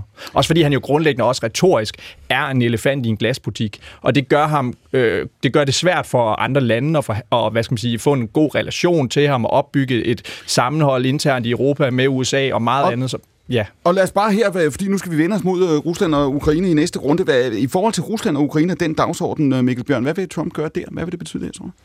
Det er et godt spørgsmål. Jeg, jeg ved det simpelthen ikke. Jeg kan ikke helt gennemskue, hvor meget der er retorik, og hvor meget øh, han egentlig mener det. Men man, man kan jo åbenlyst fornemme, at der i den amerikanske befolkning er en voksende modstand mod øh, at kaste rigtig mange flere øh, penge i Ukraine-projektet. Øh, og det vil jo også få betydning for den, øh, den position, Europa har på spørgsmålet. Og det er præcis det, vi skal diskutere nu. Fordi torsdag, der afholdt Putin en ja, man kan kalde det en blanding mellem en pressekonference og et tv-show. Her talte han naturligvis også om Ukrainekrigen og sagde blandt andet sådan her. Kunne du forestille dig at lægge blomster? Dog ikke. Vi tager prøver en gang til. Her kommer Putin fra sin pressekonference. Мир будет тогда, когда мы достигнем своих целей, о которых вы сказали. Теперь вернемся к этим целям. Они не меняются. Вот э, э, я напомню, о чем мы тогда говорили. På denazifikationen i Ukraine. Der kommer fred, siger Putin, når vi har nået vores mål. Og lad os lige vende tilbage til dem, siger han. De har ikke ændret sig. Afnazificeringen af Ukraine afmilitariseringen af Ukraine og at sikre landets neutralitet. Putin meddelte også under denne her forestilling, at det langs hele linjen går godt for de russiske tropper, at Rusland har flere end 600.000 soldater i kampene, og at der derfor ikke er behov for at mobilisere yderligere Solbjørg Jacobsen. Nu har vi jo set en SVM-regering, som jeg tror, hvis man spurgte nu, ville sige, at det, det absolut vigtigste for den det sidste år at kommunikere også til de danske vælgere, har været det her betydningen af, at Ukraine øh, skal vinde. Putin må ikke øh, sejre. Ser du et Europa, som nu øh, begynder at tvivle på det her? Jamen, det, det er jo det, vi hører. Det er jo ikke så meget om, vi synes det. Det, det, det er en realitet, at der er ikke alle, som er, er lige så stålfaste på opbakken til Ukraine. Det bekymrer mig. Og også på, også på trods af, at vi i denne her uge har set, det var en, torsdag var en historisk dag, den kommer til at stå i historiebøgerne som den dag, hvor EU åbnede for, for optagelsesbehandlinger med Ukraine. Du siger, på trods af det, på trods af, at regeringscheferne slår døren åben, så er der tvivl. Jamen, der, der har jo været et enkelt øh, land, der har nedlagt veto mod at, at bakke op, og, øh, og der bliver vi nødt til at forholde os til, vi må håbe, der ikke kommer flere, vi må håbe, det er dem, der kommer til fornuft, fordi vi må og skal også bakke op om Ukraine her, og der bliver jeg også bekymret, hvis der er en som Trump, der, der skal være, nu snakker vi også om før, at regeringen kan læse, eller Danmark styres til dels af også af, hvordan Amerika øh, mm. agerer, og der er jeg meget usikker på, at, øh, at Trump skal stå side for bordenden, fordi han er bare en Ja, Jeppe, en elefant i en glasbutik. Jeppe, du sagde for lidt siden, at det er ikke, det er ikke svært at bedrive politik på nostalgi, tværtimod i, mm. i, i virkeligheden. Lad os lige prøve at holde fast i det her. Det løfte, altså der vil man jo i hvert fald i den gamle verden og indtil for få år siden have sagt, hvis EU-statsledere sidder og udstikker en invitation til et krigsførende land. Det er det, der skete i den her uge. Ikke? Så, så vildt er det i virkeligheden. Hvis man ser von der Leyen, vi har talt om det øh, mange gange i programmet her, gå ud og sige til Ukraine, I skal være velkomne hos os, og dybest set sige, at det Europaparlamentsvalg, som kommer om et halvt år, handler også om det. Hun har gjort det til et hovedtema i, i det valg også. Så vil man sige, det er ikke et løfte, det er ikke en, en mulighed for EU at gå tilbage på det her. Det er ikke noget, man kan trække tilbage. Når Paris har sagt det, Berlin har sagt det, Rom har sagt det, de har alle sammen sagt det, så kommer det til at ske. Og samtidig hører vi øh, den her tvivl, vi ser den i vælgerbefolkningerne. Kan man være fuldstændig overbevist om, at, at man fra Bruxelles kan holde det projekt på spor? Ja, at man kan det fra Bruxelles, ja, men ikke at det har nogen øh, gang på jorden nødvendigvis, fordi det, som, som jeg tror, Trump vil, vil gøre, er jo det samme, som Orbán er i gang med, der hvor, der hvor jeg bor i Budapest i Ungarn, ikke? som allerede ser begynder at sprede sig til Slovakiet og til, til Bulgarien, hvor også en, en ny koalition af altså en virkelig mærkelig koalition af sådan nogle højrepopulister og nogle venstrepopulister, der finder sammen til EP-valget for ligesom at gå imod Vesten øh, med inspiration fra Fico i Slovakiet. Så jeg tror, vi skal vende os til, at den her sådan, tanke om det samlede Europa eller det samlede Vesten måske er mere sådan koncentreret i vores del af verden, så synes jeg, vi skal gøre os umage, apropos de politiske fortællinger, vi snakker om i time 1, ligesom gør os umage med at fortælle, hvad fanden det handler om, når det ikke bare er beløb. Ja, det er jo din historie her. Du siger, Jeppe, at det, det, vi kan ikke forestille os, at når det gælder, altså vi, vi har Orbán stående på den ene side, nu fik tyskerne så sendt ham uden for døren, helt bogstaveligt åbenbart, ikke? da beslutningen skulle, ja. skulle, skulle træffe spørgsmål, så man kan løse det på den måde. Men det var jo hans sejr, vil han sige. Hvor, ja, og hvordan er det det? Hvad er det, hvordan er det, han vil bruge det?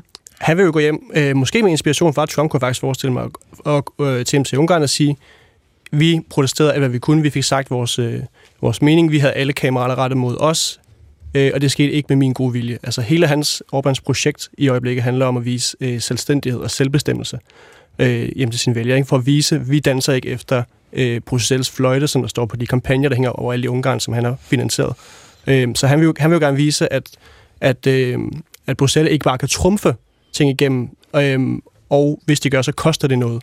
Mikkel Bjørn, jeg tænker, der er to mulige argumenter her. Enten kan man sige, og jeg tænker, det er det, som både udenrigsministeren og statsministeren ville svare, det er at sige, det var en game changer. Invasionen af Ukraine var en, en game changer. Det er gået bedre, end vi havde forestillet os. Vi vidste, at det ville blive svært, og det er svært nu. Nu skal vi holde fast, og så kommer Europa, i øvrigt også NATO, Vesten, den vestlige alliance, til at komme øh, styrke ud af det her, fordi vi kommer til at besejre Rusland. Vi kommer til at se Ukraine i EU. Det er sådan, det, øh, det, det kommer til at gå.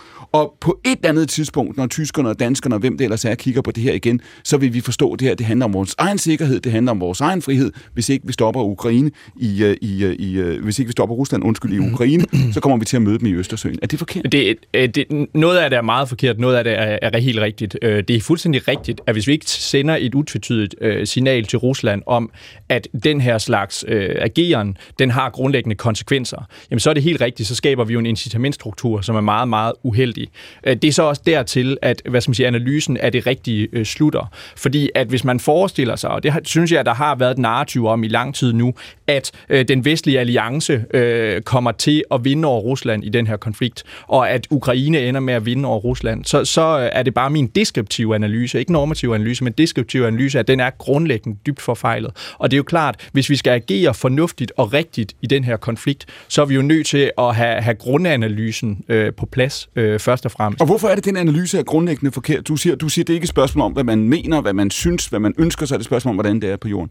Fordi at jeg synes, der er meget, der tyder på, at Rusland er dem, der ender med at vinde den her konflikt. Øh, og det, det siger jeg ikke, fordi det er sådan, jeg ønsker, det skal være. Det siger jeg bare, fordi det er sådan, jeg synes, det ser ud. Øh, og endelig korrigere mig, hvis jeg tager fejl. Et meget afslørende øjeblik i årets løb var, da to russiske komikere fik Lars Lykke til at tale sådan lidt mere frit for leveren. Okay, ja. Og i det her sådan prank-interview, hvor de foregav at være, tror jeg, øh, lederne af den afrikanske union, altså fuldstændig grotesk cirkus, men der fik de jo Lars Lykke til faktisk at indrømme, at det her vil ende med en krigstræthed, det vil ende med en forhandlet løsning. Mm. Så på den måde er der jo altså både på forscenen nogle sådan lidt øh, fromme, edle paroler, og på bagscenen, som vi så her fra Lars Lykke, er der altså en mere sådan kynisk øh, pragmatisme, som måske bærer lidt i retning af noget af det, Mikkel Bjørn også taler om. Men ja, Lars Trier Mogensen, men det, jeg synes, det her det er jo altså virkelig et åbent spørgsmål. Nu siger det bare en gang til, fordi den invitation til Ukraine, det plejer man ikke at gøre. Det er et land med mere end 40 millioner mennesker. Det er en krigsførende nation. Det er ikke detaljer, det her. Og det er ikke en, en proces, man kan sige, vi er langt nede ad vejen af på. Så der, der er virkelig noget på spil her. Ikke? Altså, der er virkelig noget på spil. Hvis det her på en eller anden måde går galt, hvis det ikke går, som man gerne vil, hvis Ukraine faktisk nu, jævnfør Mikkel Bjørns analyse før, faktisk begynder at synligt tabe krigen, men at EU kan og vil ikke optage lande, der har uklare grænser. Så det, der jo er løftet, det er, at en dag, når Ukraine har faste, stabile grænser, mm. så vil det potentielt kunne blive optaget. Men deri ligger jo sagtens, at man kan forestille en situation, hvor man må forhandle en løsning, hvor man afgiver Krim, hvor man afgiver Donbass, og man dermed måske får et stabilt Ukraine, som har tabt krigen, om man vil, og som vil kunne optages i Men Ukraine. hvad nu, men hvad nu, hvis det, du beskriver nu, ikke længere er worst case scenario? Hvad hvis worst case scenario er værre end det, vi havde Michael Clemmensen tidligere brigadegeneral i programmet øh, øh, for nylig, hvor han talte om, hvor, hvor meget der i virkeligheden i øjeblikket, kan man sige, går mod Ukraine. Ikke nødvendigvis, at, at Rusland er fem minutter fra en sejr på nogen som helst måde, men hvor meget det vender mod Ukraine. Hvis der kommer en situation, der striger Mogensen, hvor, hvor Putin, vi nu hørte vi klippet med ham før, vil bruge de her, om det så er 600.000 tropper eller ej, at han vil bruge dem, at han vil prøve at eskalere det her. Kan man forestille sig, at vi kommer til i Europa inden for det næste år at stå i en situation, hvor man må sige, nu må vi støtte Ukraine på måder, vi aldrig havde tænkt, simpelthen for at forhindre en russisk sejr. Vi kan ikke leve med det. Vi kan ikke, vi kan ikke leve med, at Putin måtte komme til at, at erobre et land med 40 millioner indbyggere, som, som vi i den grad har bundet os til. Jeg tror absolut, man kan forestille sig, at sådan det øh, scenarie, der er mest sandsynligt, er grumt og forfærdeligt, og hvor man ligesom man så under den kolde krig, kan se en masse stedfortræderkrige. Altså det, vi ser lige nu i Mellemøsten, mm. er jo i høj grad også initieret både af Rusland og Iran. Der er mange spillere med, så jeg tror da helt klart, at i det store europæiske område, der vil vi se mange konflikter. Vi går i en urolig tid i, i, i møde på den måde. Så, så selv hvis man fik lukket det ned, stabiliseret med fredsbevarende styrker, hvad vi er i, i, i Ukraine, så vil det poppe op andre steder. Lad, lad, lad mig lige prøve at gå helt op i helikopterperspektivet på den her, fordi den fortælling, vi har haft, det håb, man havde, kan man sige, i de vestlige hovedsteder i de første uger, de første måneder af den her krig, det var, gud, det kan være, at Ukraine kan kæmpe det her ned. Hvis det bliver et nederlag for Putin, så vil det svække Putin, det vil efterlade Rusland svækket, det er et signal til Kina, når det gælder Taiwan, altså dybest set forestillet, man begyndte allerede lidt at spekulere, kan man sige, i en dominoeffekt til vestens fordel. Ikke? Mm. Det var den forestilling, vi havde et øjeblik, da det viser, at Ukraine var i stand til at, at kæmpe imod. I øjeblikket, kan man sige, så vender vi dominobrikkerne den anden vej på alt det her. Det er dybest set også det, som Lars Trier øh, Mogensen øh, øh, øh, siger.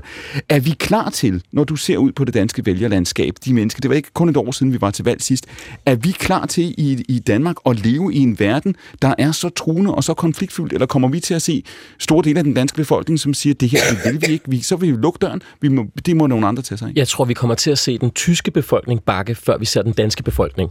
Altså, når vi, øh, når vi kigger på målingerne, så er der rigtig mange danskere, der stadig bakker op om støtten til, til Ukraine, og vi er så velstående, så jeg tror, at de fleste godt kan acceptere det tab. Men jeg synes, når vi går op i helikopterperspektivet, mm. Så det, der kendetegner vores fortællinger, det er, at de er enormt, enormt stærke i en meget kort periode, og så vender vi 180 grader på en tallerken.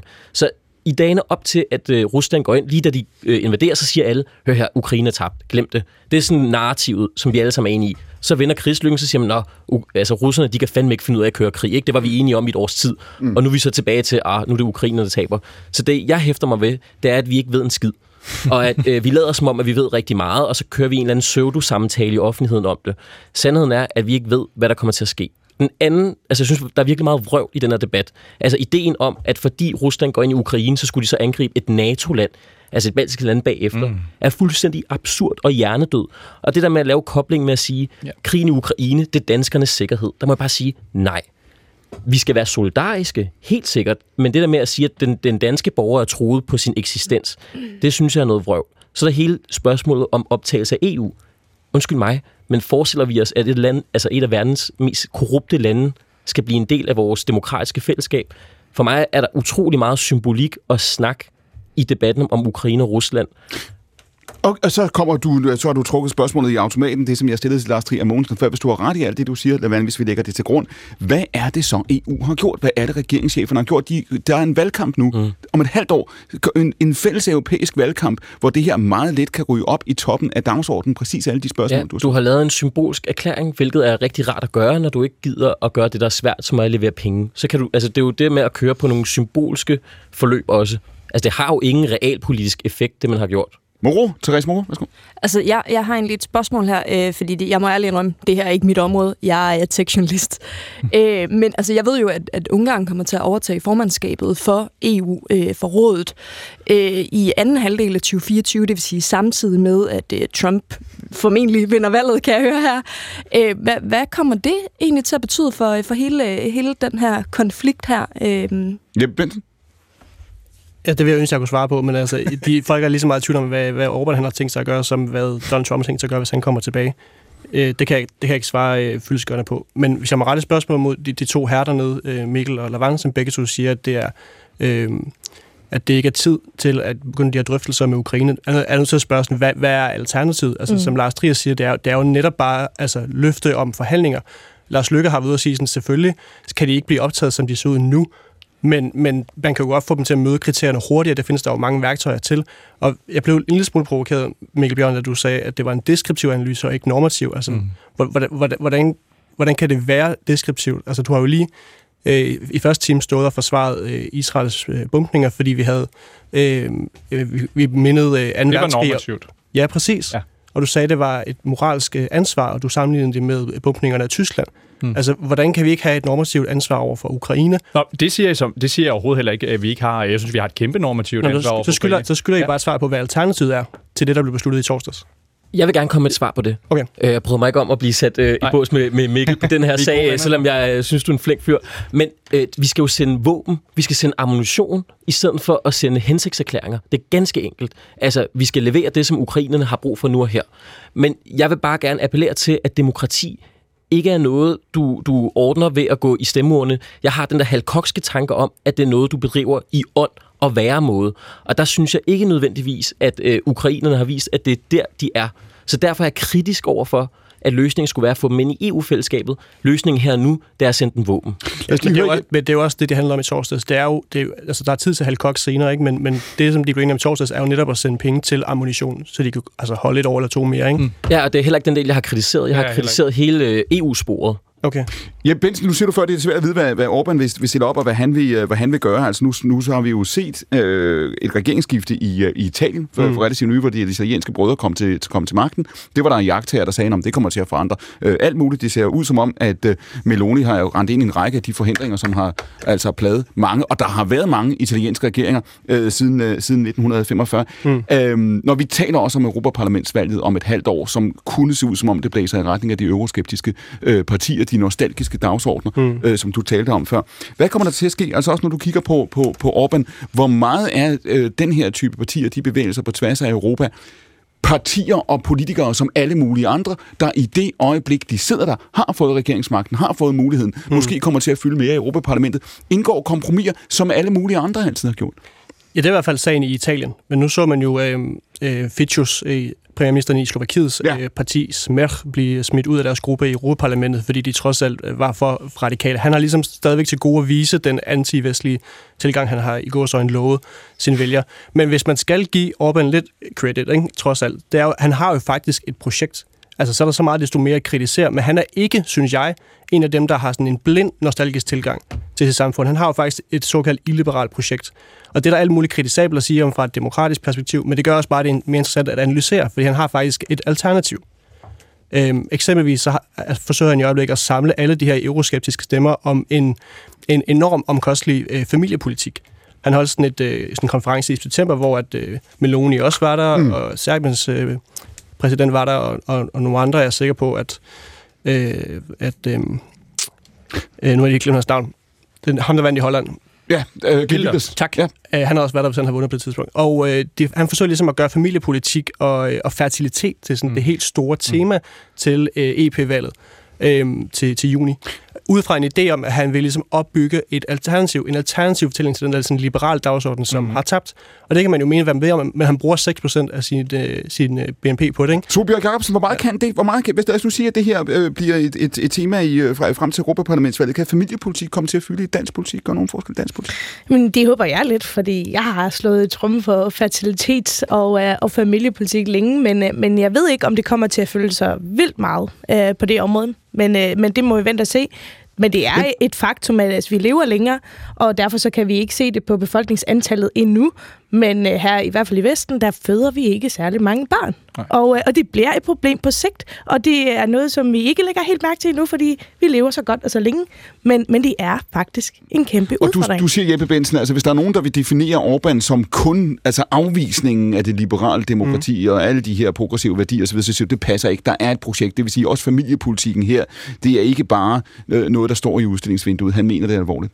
Jamen, ja, det gør en afgjort, og så kan man spørge, hvad betyder alvorligt? Ikke? Fordi der skal jo også ligesom noget, noget handling bag os på sigt, men det er, det er, det er et projekt, der er, øh, og som er noget andet end det, vi abonnerer på i Vesteuropa. Og det er jo også derfor, det er så spændende at følge de strømninger og de forgreninger af hans projekt rundt omkring i regionen, fordi der ligesom er trods alt flere og flere, der begynder at se en fidus i det. Mikkel Bjørn? Øh, jamen, jeg mener, at manglen på den nationale familiepolitik, det er en af de største mangler i, øh, i dansk politik over, i, øh, overhovedet, og også i europæisk politik. Øh, altså, det handler jo grundlæggende om vores befolkningsoverlevelse og vores kulturs og samfunds overlevelse. Når vi kan se, at 80 procent af befolkningstilvæksten fra 1980 til 2020, den er drevet af ikke-vestlig indvandring, så betyder det jo også, at de værdier, de mennesker grundlæggende bærer med sig, sådan helt gennemsnitligt set, at det er dem, der kommer til at kendetegne vores land fremadrettet. Og det er jeg grundlæggende bekymret for, fordi jeg ønsker selvfølgelig, at det skal være europæiske, men i Danmark først og fremmest danske værdier og normer, der kommer til at kendetegne vores land fremadrettet. Og sådan kommer det bare ikke til at være, hvis ikke vi begynder at føre en offensiv familiepolitik,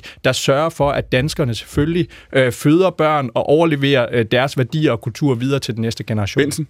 Men okay, åbent spørgsmål til Dansk Folkeparti. Mener I, at det skal være altså, statsstyret, de her normer?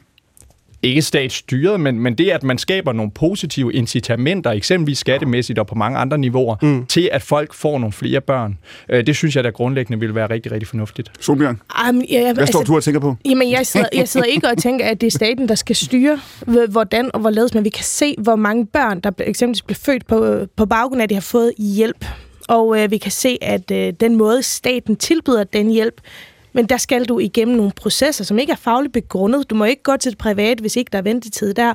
Alle læger med speciale det her vil sige, at tid er en faktor for en kvinde. Lad hende komme til hurtigst muligt, hvis det er, hun skal hjælpe til for børn. Der har vi bare ikke en god politik på facilitetområdet øh, i Danmark. Det har vi ikke. Mm. Og, og der, det vil jo ikke være at skulle styre, hvor mange børn man får. Det vil være at sørge for, at vi har nogle systemer, der kan håndtere det udfordringer, der du er før, på fertilitetsområdet. Du siger før, Solbjørg, du handler, fordi man kan sige, du, fordi Mikkel Bjørn, du kobler det til udlændingepolitik, mm-hmm. ikke? Altså man kan jo. sige, når du siger det her, det handler, hvor I tidligere har talt om, om, om grænsebomber og grænsebevogtning og, og hvad ved jeg, øh, asylcenter, så siger du, det her, det er i virkeligheden den næste front i det her, ja. det er familiepolitikken. Ja. Solbjørg, du siger det før, du håbede, at det her kommer til at fylde mere. Tror du, det vil gøre det? Jamen, fordi det er, fordi det, der er ikke nogen tvivl om, at det facilitetsspørgsmål fylder meget for afsindelig mange mennesker. Omvendt har vi jo også set i Danmark, at der har været, i hvert fald indtil for nylig, hvem ved, Socialdemokratiet en afvisning af at sige at diskutere, du ved, kvindekvoter for eksempel, og andre ting, fordi mange mennesker i det her land har en opfattelse af, at det ligger for tæt på vores eget liv. Her ønsker vi ikke staten ind. Nej, men jeg kommer aldrig til at sige, at staten skal ind og, øh, og bevidst sige, hvor mange børn man skal have, eller og heller ikke, hvor mange kvinder, der skal sidde i en bestyrelse. Men her handler det om par, Men det skal, der udløse, vil skal have... barn udløse en kontant bonus? Nej, det handler om par, som gerne vil have børn, Ja. som har udfordringer med det. Og det handler så også om, den måde, vi har indrettet vores arbejdsliv, kan de indrette, så det er nemmere at have børn imens.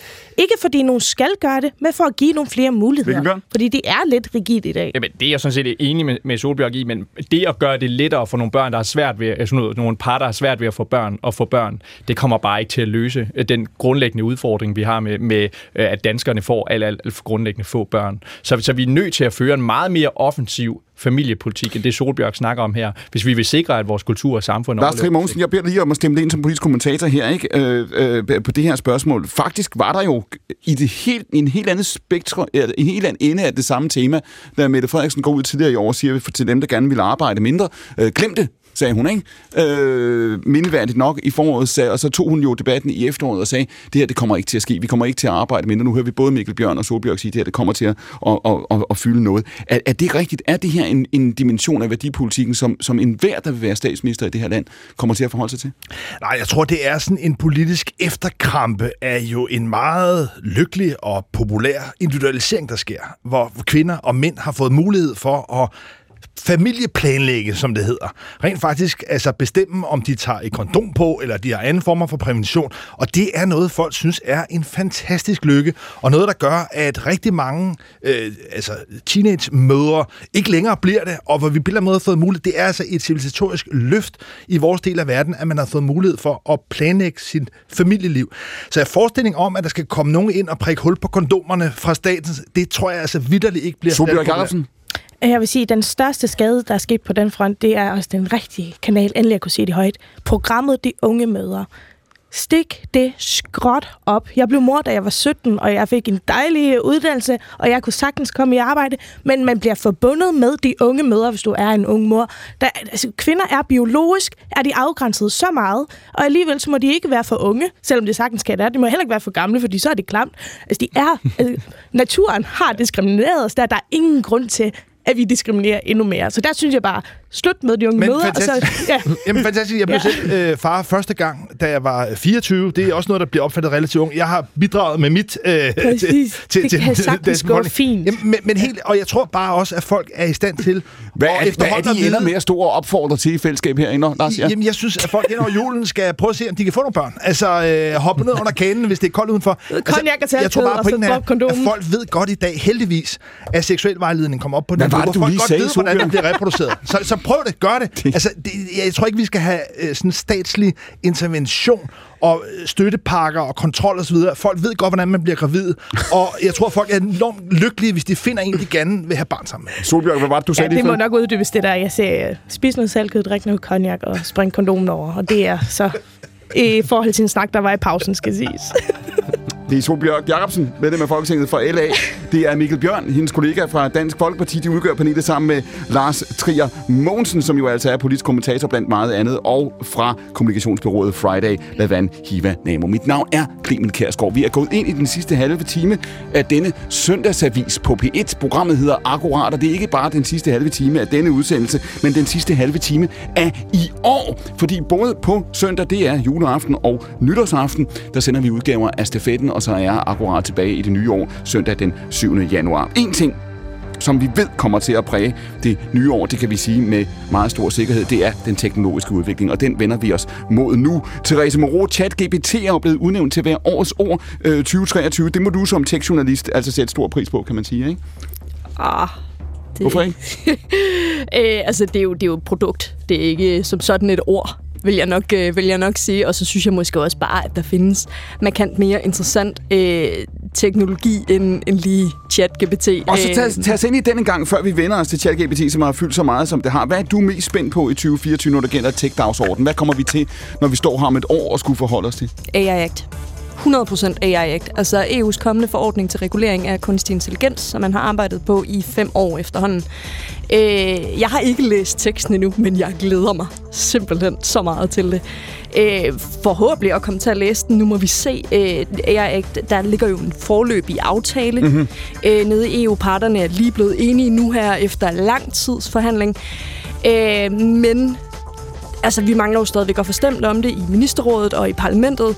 Øhm, og, og efter det, så, så kommer vi forhåbentlig til at kunne, kunne læse selve teksten, som, som jo skal styre, hvordan kunstig intelligens får lov til at blive, blive udbredt og brugt, og ikke brugt i Europa. Og man kan sige, der er jo altså et dilemma her, det er det, de sidder med i Bruxelles også, og det er det, vi skal diskutere nu, hvor man kan sige, på den ene side, så har vi et teknologisk kapløb, det skal man godt nok ikke have en Ph.D. i ret meget for at kunne se, øh, mellem Kina, USA og alle mulige andre, så kan man mm-hmm. diskutere, hvilken forskel de her ting vil gøre, men der er i hvert fald en, en idé om, i rigtig mange hjørnekontorer verden rundt nu, at det her det kommer til at gøre en, en, en kæmpe forskel. Derfor ønsker man at udvikle, derfor ønsker man at sætte de private markeder i spil, mm. derfor ønsker man at se investeringskronerne øh, rasle ind, hvad jeg skal hilse at sige, at de, at de også gør. Samtidig så har man bekymringen, så har man truslerne, og så har man også den diskussion, som du henviser til, og den, øh, det ønske også i Bruxelles om at sige, nu skal vi øh, øh, kontrollere det her. Hvad tænker du, Therese? Hvordan kommer det til at gå? Fordi i Europa kan vi jo samtidig se, at vi de sidste 20 år har tabt i virkeligheden på område efter område, øh, ikke mindst til USA og til de tech-giganter, øh, Spotify, Apple, øh, Amazon, man kan diskutere, om de alle sammen er egentlig tech-giganter, men i hvert fald virksomheder, som, som, som dybest set er ved at sætte øh, øh Europa af. Hvor vi er ved at lande i det dilemma mellem at udnytte teknologien og være med i kapløbet, og samtidig på en eller anden måde føle, at vi kan styre den. Vi er nok i hvert fald været lidt bedre, end vi har gjort før. Altså på, på AI-området, der har, der har EU i det mindste udvist rettidig omhu. Mm. Det er noget nyt, øh, og det tror jeg, de fleste lovgivere kan være, øh, kan være enige med mig i, at det, det har altså haltet lidt før inden for teknologien. Nu kigger jeg øh, herover. Øh, altså, det har jo ikke været godt for eksempel med, med sociale medier og, og de her store platforme her. Der har man godt nok været, øh, været for langsom til at få reguleret, og det, det, tror jeg, øh, det tror jeg, de fleste nok vil være enige i. Når det så kommer til, til AI, jamen så får vi forhåbentlig lovgivningen nu her. Øh, nu må vi se, om det så kommer til at betyde, at vi egentlig lander bedre. Altså, som du siger, USA og Kina er allerede stukket af med den her teknologi her. Altså, investeringerne i øh, europæisk kunstig intelligens er nærmest ikke eksisterende efterhånden efterhånden faldet 70 procent i år sammenlignet med sidste år. Øh, men, men i USA, i Kina, i de andre lande, der er det jo bare altså, stukket helt, helt af efterhånden øh, på, en, på en måde, som måske også kan ende med at vise sig at være økonomisk ikke særlig smart. Mikkel Bjørn, hvad gør I her? Altså, hvad gør I som politikere, når I sidder det her? Det er jo et fuldstændig konkret dilemma, skal man sige. Mm. Vi kommer til at konkurrere på teknologien. Vi må sikre os, at vi overhovedet kan være med ved bordet. Der må ikke ske det samme, som der er sket på alle mulige andre områder. Derfor skal Europa være med. Mm. Ellers skal man sige, at der er kæmpe risici her. Der er risici for borgersikkerhed. Der kan være mm. alle mulige andre ja. mareridt-scenarier, som eksperter har advaret mod. Hvor skal I stå? Det er utrolig svært. Altså, vi kan ikke overskue konsekvenserne af de beslutninger, vi kommer til at træffe på det her. Øh, og jeg er også bare grundlæggende bekymret for, øh, hvad det er for en for... Altså, fordi jeg, er helt enig i, at der er brug for en regulering på det her område. Det, jeg er bekymret for, det er bare, at politikerne kommer til at lave en regulering, som fokuserer på alt det forkerte, øh, og som ender med at, at sætte en spændetrøje på os selv i forhold til udvikling, eller, eller i virkeligheden bare altså, skabe flere huller i, i det her end en, en, en, en lappe, øh, lappeløsninger. Fordi at altså, jeg kommer lidt til at tænke på den her, øh, den her høring, der var over i det, det amerikanske, øh, den amerikanske kongres med Mark Zuckerberg, hvor der er en senator, der, der spørger sådan, øh, hvordan, hvordan virker jeres forretningsmodel? Mm. Øh, og, og, og Zuckerberg svarer, øh, Senator, we run, we run ads. Ikke? Altså, hvis ikke, engang, hvis ikke engang vi er så langt, at, at, at politikerne forstår forretningsmodellerne for nogle af de her store øh, tech-virksomheder. Der, der er vi noget godt, længere. Altså det, ja, ja, det, det, det vil jeg gerne lige berolige med. Ja. Nu har vi været i gang med den her i, i fem år. Der har godt nok været noget af et utal af eksperter inden over AI. Mm. Øh, altså Men... der, der, må jeg hellere, der må jeg hellere også bare lige berolige lytterne en gang. Øh, EU ser ud til at have noget kun bedre styr på det, ja, end det er jeg ikke overbevist om. I, i altså, min tiltro til EU's evne til at løse nogle store udfordringer her, den er meget, meget begrænset. Jeg synes ikke, vi har super meget erfaring for, at de, de kan finde ud af at lave de her forkromede store løsninger på svære spørgsmål. Og Therese, jeg har et spørgsmål i forhold til, jeg ved, øh, mhm. vi, vi er lidt øh, utroligt lidt om det her område, men en ting, som, det er bare sådan en tanke der med, at hvordan står vi i forhold til autokratier versus demokratier i forhold til AI? Altså det med, at du har lande som Kina, der mm. ikke giver noget som helst for privatlivsrettigheder, som i virkeligheden kan køre sådan nogle kæmpe AI-modeller, hvor de overvåger alle deres borgere, fodrer deres algoritme med så meget data, som vi aldrig kan tillade os selv. Hvad for en konsekvens kan det have i kapløbet, altså autokrati mod demokrati? Jamen altså, problemet er jo faktisk, at det kan have den konsekvens, at jamen, de her autokratier her, de bliver meget, meget, meget dygtigere til at udvikle AI-drevne våben, uanset om, om de våben så er i form af, af overvågning, i form af ligesom at kunne øh, mere eller mindre styre og påvirke, hvordan man tænker. Øh, så, så ja, på en eller anden måde, så, øh, så kan man sige, at autokratierne de kan nå langt længere, men det er også fordi, de bryder jo med, med folks helt sådan fundamentale øh, rettigheder. Øh, det gør vi jo, gudske tak og lov, ikke øh, her i, i EU. Det er jo det, som vi også lige har, har forhåbentlig øh, fået noget lovgivning omkring, at, at jamen, vi må simpelthen ikke gå ind og lave den her form for teknologi, som bruges til for eksempel at påvirke folks holdninger, øh, eller for eksempel at gå ind og så bryde med menneskerettighederne. Jeppe Benson? Ja, et opfølgende spørgsmål til dig også, Therese. Øh, det, det helt store sådan, øh, slagord i Europa efter krigen i Ukraine har jo været strategisk autonomi. Altså, vi skal lære at være, øh, øh, være øh, øh, ikke at være afhængige af, af andre. Ikke? Altså, kan, kan det lade sig gøre fra et europæisk perspektiv at udvikle de her teknologier, og i hvilken grad spiller sådan, den strategiske autonomi ind? Therese Moore? Altså, øh, det kan lade sig gøre for os at udvikle de her teknologier i samarbejde med for eksempel USA. Øh, men det kræver, at vi har for eksempel USA som partner på det og som allieret på det.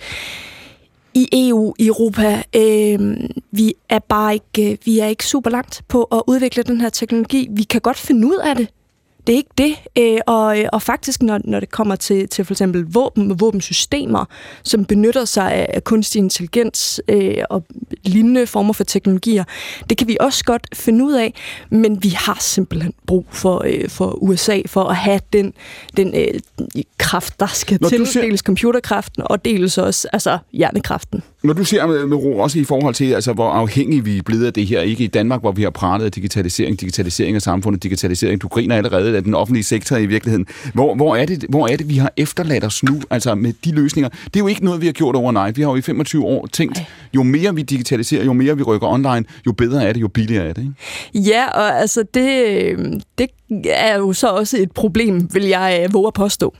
Altså hvis vi for eksempel kigger på, øh, på tech-giganterne, bare nogle af de helt store. Lad os bare tage Microsoft. Helt ærligt, hvis Microsoft går ned, når man hjem i morgen, mm-hmm. Så går Danmark ned, når man hjem i morgen. Altså, Microsoft leverer cloud til hele velfærdsstaten. Og nu skal du lige oversætte for, for, for, for dem, der yes. er, hvad, hvad er det cloud er? Ja, det, Microsoft leverer øh, læring af alle øh, borgers data, for eksempel øh, sundhedsdata, til hele velfærdsstaten. Mm. Og det har de fået lov til nærmest at være ene leverandører på. Øh, det betyder så også, at det faktisk er lidt... Altså, okay, det er faktisk meget vanskeligt for vores kommuner og regioner at forhandle pris. Det er jo så også et, øh, et kæmpe problem, fordi vi ender nok med at betale overpris. Øh, men det betyder også, at vi for eksempel er ekstremt sårbare digitalt. Simpelthen fordi, jamen, hvis du trækker stikket på Microsoft, hvis Microsoft vælger at trække stikket på os, jamen, vores velfærdsstat er jo så grundlæggende færdig, for vi kan simpelthen ikke rigtig operere. Vi har jo ingenting på papir længere, og vi har jo ikke tænkt ind i, at man så bare lige kan erstatte Microsofts for eksempel datalæringsløsninger med nogle andre datalæringsløsninger. Astrid Mogensen, det vi har set måske de sidste fem år i virkeligheden, det er, at det her det er gået fra at være, som Therese Moreau beskriver noget, som, som politikerne var optaget af. Jo mere man kunne digitalt, jo bedre var det, jo flere medarbejdere kunne man, kunne man fyre, jo længere kunne man komme. Det, her, det, er, den, det, er det omkvæd, vi har hørt i, i, i rigtig mange år. De sidste fem år, ti år her, der har vi set, nu er det her blevet et spørgsmål om personlig sikkerhed, det er blevet et spørgsmål om datasikkerhed på en anden måde, end det var. Det er blevet et spørgsmål om sikkerhedspolitik, åbenlyst, ikke? I forhold til Rusland behøver vi stort set ikke nævne Kina øh, lige bagved. Øh, så er det blevet et spørgsmål om industripolitik. Det er også et begreb, vi sjældent hører. Det, vi hører næsten aldrig ordet øh, sagt. Strategisk autonomi, som Jeppe Benson nævner før, bliver pludselig diskuteret på en, en anden måde. Når du sidder og kigger vi nævnte før, SVM-regeringen, den har været siddet år ved magten. Ser du, at man har, kan man sige, i, i Danmark her, en strategisk plan for det her? Altså en strategisk spørgsmål om at sige, hvordan træffer man de her øh, øh, afvejninger? Det her, det er en magtkamp lige meget, hvordan det går med Rusland lige meget, hvordan det går med Kina lige meget, hvad der sker i USA, hvem der vinder. Øhm, så ved vi, at vi bliver målt på det her. Vi kommer til at leve og dø på, hvor stærkt vi står. Danmark skal i stigende grad være glad for, i forhold til de her store geopolitiske teknologiske brud, at vi er medlem af EU, fordi stort set al regulering er løftet op på europæisk plan. Mm. Også i stigende grad, når det gælder klima, natur, der er Danmark ikke længere nogen drivkraft. På nogle områder er vi faktisk en, en bremseklods, også på det grønne område. Men når det gælder geopolitik, infrastruktur, teknologi, så er Danmark, om man så må sige, en kommune i EU, hvor det ligesom er det europæiske øh, folketing eller parlament, magtapparat, der er der. Og det er der altså øh, desværre ikke engang nok kraft i. Øh, jeg tror, og du siger i virkeligheden, det, kan, det er ikke alle, der vil høre det her som en god nyhed, men du siger, det er en god nyhed, fordi alternativet, at vi skulle kunne styre det her selv, det er hvad ikke eksisterende. Jamen på samme måde, som det også ville være svært for Læsø eller Fanø Kommune at føre en sundhedspolitik, som på en eller anden måde leverede det, borgerne øh, havde forventning, så er det her altså også løftet op på et niveau, hvor vi hverken har kompetencerne eller måske de virksomheder, der på en eller anden måde spiller ind her. Så der skal man altså op på en højere kritisk masse end Danmark. Og der kan man sige, der er det i hvert fald lidt senere år lykkedes for EU at faktisk håndtere nogle af de her, forsøge at håndtere nogle af de her er det, Solbjørg Jacobsen, er det her ikke et, et basalt problem, hvis man er øh, grundlæggende liberal, hvis man tror på markedet, hvis man siger, at der er næsten ikke noget i verden, som markedet ikke er bedst til, fordi vi kommer til at se det her. Det er en konkurrence mellem stater. Det er jo en konkurrence mellem store stater. Det er Kina, det er USA.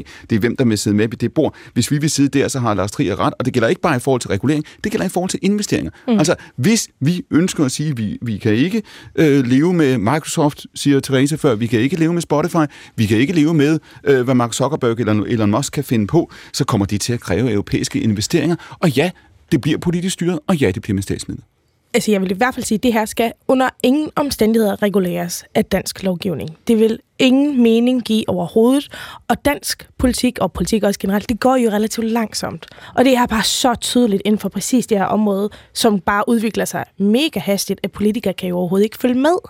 Og, øh, og derfor så ser vi jo, jamen altså, det, som der bliver nævnt om de offentlige systemer nu. Nu har jeg selv været offentlig ansat, før jeg kom i Folketinget. Det var jo dejligt nemt. Jeg lukkede ind, og så det var præcis det samme kalendersystem og alt det, jeg kendte. Og så mine kollegaer, der kommer fra det private, hvor det er gået stærkt. Nogen har måske arbejdet med grøn omstilling, nogen har arbejdet med startups osv. De stopper og kigger og siger, er vi dinosaurer herinde? Altså, hvorfor skal vi bruge det her? Og det er jo bare et godt eksempel på, at politik går simpelthen for langsomt til tech. Uh, I hvert fald i Danmark, synes jeg. Og derfor synes jeg, det er godt, vi skal, vi skal bero os på EU her. Der er rivende muligheder med teknologiudviklingen her. Og nu har altså, er det bare blevet sådan en politisk popularitet at sige, nu har vi fået kunstig intelligens. Mm. Ej, det har vi altså haft i rigtig, rigtig, rigtig mange år. Men ja, det, der, det er en chatbot, der er kommet ud, som alle har fået til sig. Ja, det er rigtigt. Men det viser jo bare, at det bare blevet sådan en populistisk ting for politikere at engagere sig i. Der skal man turde sige, jeg ved ikke nok om det. Jeg skal spørge folk, der ved noget om det. Og altså, det er for, for, eksempel, for, for eksempel vil jeg sige ja til at komme ind og deltage i akkurat. Ikke? Nå, Therese, lad os lige prøve at holde fast på fremtidsperspektivet. Om et øjeblik går vi ind i de sidste kvarter af udsendelsen, og det der jo altså er øh, øh, det er vores sidste de, vores sidste 15 minutter i det her øh, kalenderår, apropos øh, øh, kalender. Jeg spurgte dig først, jeg spurgte dig indledningsvis og sagde, hvad, hvad er du mest spændt på i 2024? Det siger du, det er den her AI-lovgivning. Øh, øh, nu nævner øh, Solbjerg, og det er jo fuldstændig rigtigt. AI er ikke nyt. Der er bare nogen, der har opdaget det for et år siden i et omfang, som vi ikke havde, havde før, takket være øh, øh, chat-GPT. Hvor meget, Therese, risikerer vi at have den samme oplevelse i løbet af det næste år? Altså, at der er noget, som et flertal af befolkningen ikke har hørt om. Teknologiske perspektiver, muligheder, ja, men også trusler, hvor vi tænker, hold da kæft. Altså, det kommer til at være helt det samme. Det, det ved jeg ikke, hvad jeg ellers skal sige til. Det kommer til at være helt det samme. I kommer til nok at fylde ret meget det samme. Øhm, og jeg er også sikker på, som, som Fjolbjerg også siger, at, at det, altså, der kommer også til at være en masse politikere, der nu springer på vognen det øh, var måske også på tide, kan man sige. Øh, men altså, gudske tak og lov for, at, øh, at vi får noget, øh, noget regulering nu. Det har manglet. Lidt markeret, Jo, men jeg synes, vi skal være forsigtige der, fordi hvis man kigger på dengang, vi fik biler, hvordan håndterede det det over i England. Der var man så bange, at det satte en hastighedsbegrænsning på sådan 6 km i timen eller mm. andet. Og der skulle til enhver tid gå en mand foran bilen med rødt flag, fordi ellers ville der jo ske noget. Selvom vi har haft heste, der før har fragtet De har jo gennemført Brexit for at kunne få den mulighed tilbage, kan man sige. Ikke? Men, nej, men det viser jo bare, når politikere går ind og tænker, nu skal vi lige passe på her, og mm. så, så får man jo ikke udnyttet det positive ting, der er med det. Og det skal vi virkelig bare have med os her, at politikere, der ikke har styr på det, skal ikke til at lave nogle reguleringer, som ikke er Du frygter, frygter du politikerne mere, end du frygter noget andet, Solbjørn? Det, øh, jeg frygter mange gange politisk regulering. Ja. Ja, Benson? Ja, så vil jeg gerne bringe et dementi, fordi det, jeg glæder mig allermest til i 2024, det er at se, hvordan den her strategiske autonomi manifesterer sig også blandt de, de mere sådan markedsglade øh, og liberale i det hele taget, fordi netop den bekymring med regulering over for øh, øh, autokrater, som du nævnte, øh, mm, Therese, mm. øh, ser man jo på mange måder også, altså bare for at nævne øh, Orbán igen, ikke, som jo på alle mulige måder er meget skamløs på steder. Han, han er jo i gang med at udvikle batterifabrikker til elbiler, som kan udkonkurrere øh, de fabrikker, som Macron rejser rundt og prøver at lave som et, et EU-dødsmønster. Ikke? Og Orbán er jo ligeglad med den her strategiske autonomi. Han, han får kineserne til at betale for det. Og hans argument er, at EU efterspørger jo batterier til elbiler, fordi vi har gjort det til et politisk krav, at der skal være øh, elbiler efter det 2035. Ikke? Øh, og hans argument vil være, jamen det, det er for moralistisk at sige, at det skal komme fra EU. Er det også, det ligger der også i, det er bare helt kort, Lars Trier, når nu, når nu vi hører Jeppe Benson beskrive det her med Orbán se på Rusland. Altså en af nyhederne i virkeligheden er jo også, at, at Ruslands økonomi står så meget stærkere, end de fleste havde, havde forventet. Øh, Putin er i gang med, hvad der fuldstændig ligner en omstilling af, af samfundet, øh, til at være staten, til at være altså en, en krigsførende nation, en krigsøkonomi under, under en eller anden form. Når nu øh, Jeppe nævner det her, altså nu har vi lige stået og talt om, hvilken betydning skal EU have. Solbjørk siger før, det er EU, der skal lægge sig i, øh, i, øh, i scenen. Kommer vi til at se præcis, hvad Jeppe beskriver? Stat efter stat, også mindre stater, som siger, at vi, vi kan faktisk godt gøre en, en, en forskel her ved at forfølge vores egne øh, dagsordner. Det behøver ikke nødvendigvis være sådan, at, at alting skal gå i en retning, og det behøver i hvert fald ikke være sådan, at diktatorer og autokrater står magtesløse i den virkelighed. Jeg tror i hvert fald, den udmyndning, der bliver det her flotte begreb, strategisk autonomi, bliver nok mere sådan kortsigtet autonomi. Det handler om mere at skrabe til sig, og det er jo i en verden, hvor Kina i mange år har kørt sådan en statskapitalistisk model, hvor de for eksempel på det grønne område nu sidder på stort set hele produktionen af solceller, mm. i stigende grad også vindmøller med statsstøtte. Vi har set i løbet af det her år, at amerikanerne også er gået ind med deres Inflation Reduction Act og gjort meget det samme. Så vi er jo i den mærkelige tilbagerullende tilstand, at statsstøtte altså, og regulering har fået et kæmpe comeback, og vel at mærke ikke for venstrefløjen, som ikke betyder særlig meget i særlig mange lande, men for borgerlige fra erhvervslivet. Therese? Øh, jamen, det var bare lige i forhold til det her med, at, at vi skal passe på med politikere, som, øh, som går ind og regulerer noget, de ikke ved noget om. Vi skal også passe på med politikere, som ikke går ind og regulerer noget som helst, fordi så passer de heller ikke deres job, og det har altså været et problem inden for teknologi i, i det er hvert et, et, fald guld, et, guld, et guldlok-problem i virkeligheden, ikke? Ja, altså, men... men altså, det er så, balancegang, der, der skal være det, der. Der skal Helt virkelig være en balancegang, og der, der, jeg, har, der, jeg har i hvert fald bare været ked af at se, mm. at der har været en tendens til fra Folketingets side at sige, ah, det der teknologi der, det der kunstig intelligens der, vi kan ikke gå ind og røre ved det overhovedet på nogen som helst måde. Nu får vi så AI Act. Hurra for det. Og jeg er, jeg er simpelthen ah. så glad for det. Øhm, altså det. Fordi endelig får vi noget regulering. Og, det, mm. og der skal jeg bare lige skynde mig at sige, altså i dag, der er kunstig intelligens jo det vilde Vesten. Der er nul regler. Altså, som i, som i, der er nul regler, der er specifikt rettet mod kunstig intelligens. Solbjerg, jeg du- kan gå ud og lave et, et AI-system i gåseøjne, påstå, at det er et AI-system, ja. og så sælge det til hvem som helst. Det kan faktisk, altså det kan jo blive brugt i det offentlige, hvilket det tit gør. Og så behøver jeg ikke engang at dokumentere, at det virker. Det er jo ja. vildt, at Og man men- faktisk kan det. Nu skal man ikke misforstå, når jeg siger, at danskerne ikke skal, øh, nej, Folketinget ikke skal lave regulering, mm-hmm. at det betyder, at vi ikke kan arbejde for at have en fornuftig politik på det her område, men det skal ikke være nationale regler i Danmark. Det skal være via, at vi Mhm. mm-hmm. går i samarbejde med EU. Det siger Der er en stor Solbjerg forskel. Jacobsen. Vi læner os op af de sidste 10 minutter af dagens akkurat, som jo altså også er den sidste af vores søndagsaviser i det herrens år 2023. Og de sidste 10 minutter, dem åbner vi med Marie K. Vi to ikke bare folde arme, stå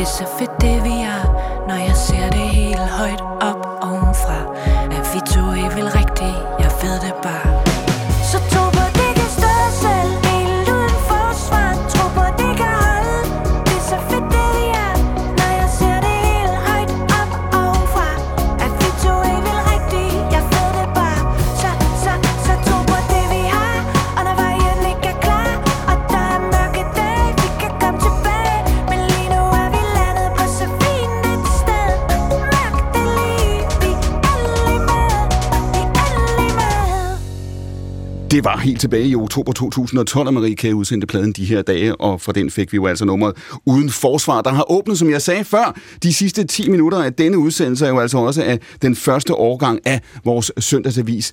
Akkurat, nu startede vi med, øh, Solbjerg, før at diskutere, hvad I glæder jer til øh, i det nye år, hvad I ser frem mod. Hvad frygter du?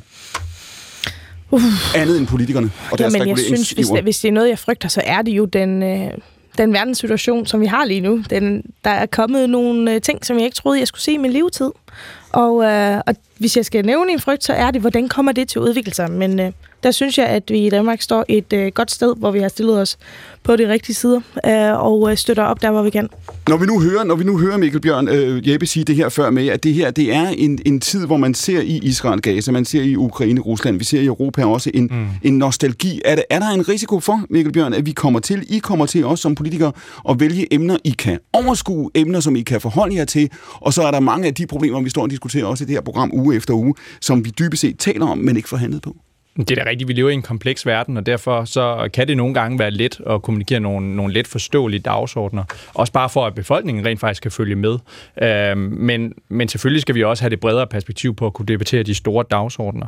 Øhm, Altså, jeg synes jo, noget af det, der bekymrer mig øh, mest øh, for det kommende øh, år, og, og særligt herop til Europaparlamentsvalget, det er jo, at vi lige nu, og det er måske ikke så overraskende, når jeg er DF'er, men vi lige nu ser en tilstrømning til Europa, der er lige så stor som den, vi så under flygtningekrisen i 2015. Øh, og og de, det rammer ikke Danmark helt så hårdt, som det rammer andre europæiske lande, men vi ser tilstrømninger, som jeg synes giver anledning til en meget voldsom bekymring og, og nogle foranstaltninger herhjemme, som gør, at vi selvfølgelig ikke ender i en samme situation, som vi stod i i 2015. Lad det, vi har set med Israel-Gaza, det er jo, har jo kan tale om en mobilisering her, ikke? Der er jo hele generationer, som ikke kan huske Libanon-krigen, som ikke kan huske, hvad der er sket for 10-15 år siden, som pludselig forholder sig til en del af verden og en konflikt, som, som de er så unge, at de kommer til på en, på en helt anden baggrund end mange af de debattører, som siger, at der har vi været før. Vi var der, som Lars Trier Mogensen sagde øh, tidligere, der er nogen, der er vokset op med den her øh, øh, konflikt. Hvad fortæller det os? Og nu sagde du øh, for nogle minutter siden, der er meget, vi ikke ved. Hvad fortæller det os om, hvis man sidder i regeringen nu ved SVM, som vi diskuterede tidligere, og tænker, hvad venter der i 2024? Hvor sikre kan de være på, hvor de har vælgerne? Også hvis Mikkel Bjørn får ret, og udlændingepolitikken kommer tilbage. Altså, det SVM-regeringen kan være sikker på, det er, at vælgerne i hvert fald ikke er hos dem. øh, det, det er den ene ting. Jeg tror, det der, det, der gør... Med, med Sokrates, ikke? Det er det eneste, de ved. Det eneste, det, de ved, er, at de ingen vælger har. Står på ikke? Apollons tempel øh, i Delphi, ikke? Kend dig selv, og det er så kend dig selv i ja. dine manglende vælgere. Men det, der bekymrer mig ved, ved Israel, det positive ved den er, at folk engagerer sig. Det er jo altid dejligt, når folk går på gaden og viser øh, en eller anden form for demokratisk flid. Det, som bekymrer mig, det er, at vi ikke kan have en samtale med hinanden om det. altså, det, jeg synes, at det er enormt svært at øh, udvise sympati for øh, den israelske stat og den israelske befolkning, samtidig med, at man øh, synes, at det er helt forrygt, det Israel gør.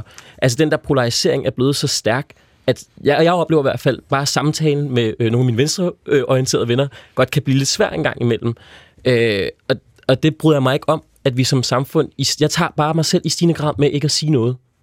Solbjørg, forstår du godt de mennesker, der siger, at det er med mange mennesker, og, og øh, der siger, at vi, vi ønsker ikke at deltage i den offentlige debat. Vi kunne ikke finde på at stå i et radioprogram eller et tv-program. Vi har ikke lyst til at være på de sociale medier, fordi vi møder præcis, hvad Lavand lige har, har beskrevet.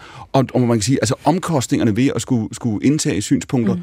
øh, også en gang imellem have lov at løbe fra dem igen, er simpelthen blevet så enorme, at folk stempler ud. Altså, den er enormt hård. Vi har set mange eksempler, hvor folk, der har stukket næsen frem, har virkelig, virkelig har fået nogle tæsk. Mm. Så, så man forstår synes du, godt... Synes du personligt, det er svært at holde til? Øh, nej, og jeg, jeg ved ikke, om, om jeg ikke har sagt særlig meget i den. Nu sidder jeg ikke på udenrigsområdet, men, øh, men jeg har da altid været klar, klar i mail, hvor jeg, øh, hvor jeg står henne og øh, prøver at debattere så ordentligt jeg kan. Øh, men, øh, men det er svært, fordi det er en følelsesladet debat. Og det, som jeg tror, det hele kommer ned til, det er, alle vil ønske, at der var ingen der lavede det terrorangreb, og der var ingen, der havde brug for at slå tilbage, og der ikke var den krig. Det tror jeg, de fleste normalt fungerende danskere tænker. Vi vil ønske, at der ikke var noget. Og så snakker man om den der to-statsløsning. Kan vi ikke bare lave den? Jo, og der synes jeg, der, der er det så, at den bliver svær for mig at, at bare holde simpel, fordi jeg tænker, hvad er det for nogle to stater, vi skal lave? Er det en Hamas-styret stat, så er det ikke noget, jeg bakker op om. Er det en demokratisk fri stat, så er det noget, jeg bakker op om. Og, men men der, der er folk allerede hoppet af. Fordi det er bare, du støtter bare i Så det, så det går videre så, så, så det går bare i den der polarisering så med de, det samme. Så er de doomscrollet videre ned Fuldstændig, af ja. Lars Trier Mogensen her, når nu Therese Miro også beskriver det her øh, perspektiv før, man kan roligt sige, at AI, nu får vi se, hvad der sker, ikke? men hold op, det rejser nogle svimlende perspektiver. Vi befinder os i en mediebranche, hvor jeg skal hilse og sige, at havvandet mange steder er på vej op af, af, af gulvbrædderne. Ikke? Det har vi også diskuteret her. Ja, Jamen, der er en stor risiko for os, en fuldstændig uset fordummelse. Jeg har selv prøvet at eksperimentere og investeret lidt i at prøve at lave sådan nogle små robotter, der skal lave politiske analyser. Og problemet er, at det kun kan trække data fra sådan noget som for eksempel hestenet. Altså alle de etablerede medier, altså Berlinske, Weekendavisen, Information, har jo lukket deres artikler ind. Altså nu for eksempel, hvis vi tager øh, Gaza, Israel, alle Herbert Pundings gamle øh, klummer og artikler, kan sådan nogle robotter ikke komme ind og lære af. Så det er ligesom nogle mærkelige øh, chattråde, der er på obskure steder, der er frit tilgængelige, som de her robotter lærer at argumentere efter. Så på den måde bevæger vi os ind i en verden, hvor det er piger på, på hestenet, der ligesom skal argumentere for og imod, og det er altså noget, der risikerer at gøre os virkelig dumme, når det bliver det dominerende. Jeppe Benson, kort.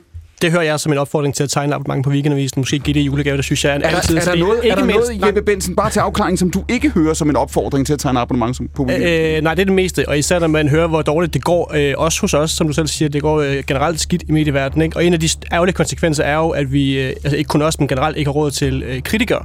Apropos det, Lavand siger med, at øh, folk engagerer sig mindre. Vi har brug for den frie kritik. Og Der er hårdt arbejdsløse anmeldere, kan du sige, som er på vej mod DR-byen i disse minutter, ikke? Ja, desværre, ja. Det er alt opslugende. Jeppe Bensen fra Weekendavisen, Therese Mero fra Version 2, Solbjørg Jacobsen fra Liberal Alliance, Mikkel Bjørn fra Dansk Folkeparti, Lars Trier Mogensen fra Følgetong og mange andre. Projekter, Lavan Himan Amo fra kommunikationsbyrået Friday. De udgjorde byrået, I skal ikke tage hovedtelefonerne af endnu, vi har 30 sekunder, det er masser af tid. De udgjorde panelet i denne sidste udgave af Akkurat i 2023. Vi er tilbage søndag den 7. januar til sædvanlig tid, direkte fra Nyhedshuset fra 12.15 til 14. Men vi høres ved allerede på søndag, der er det juleaftensdag, og også nytårsaftensdag, hvor vi mødes til stafetten. Fire gæster, der jo altså, som I ved, traditionen tro, tænder både spørgsmål og svar videre til hinanden. Louise Rømert er producer og redaktør. I redaktionen sidder Frederikke Ernst og Rasmus Gråskov. Nu er det Radiovis.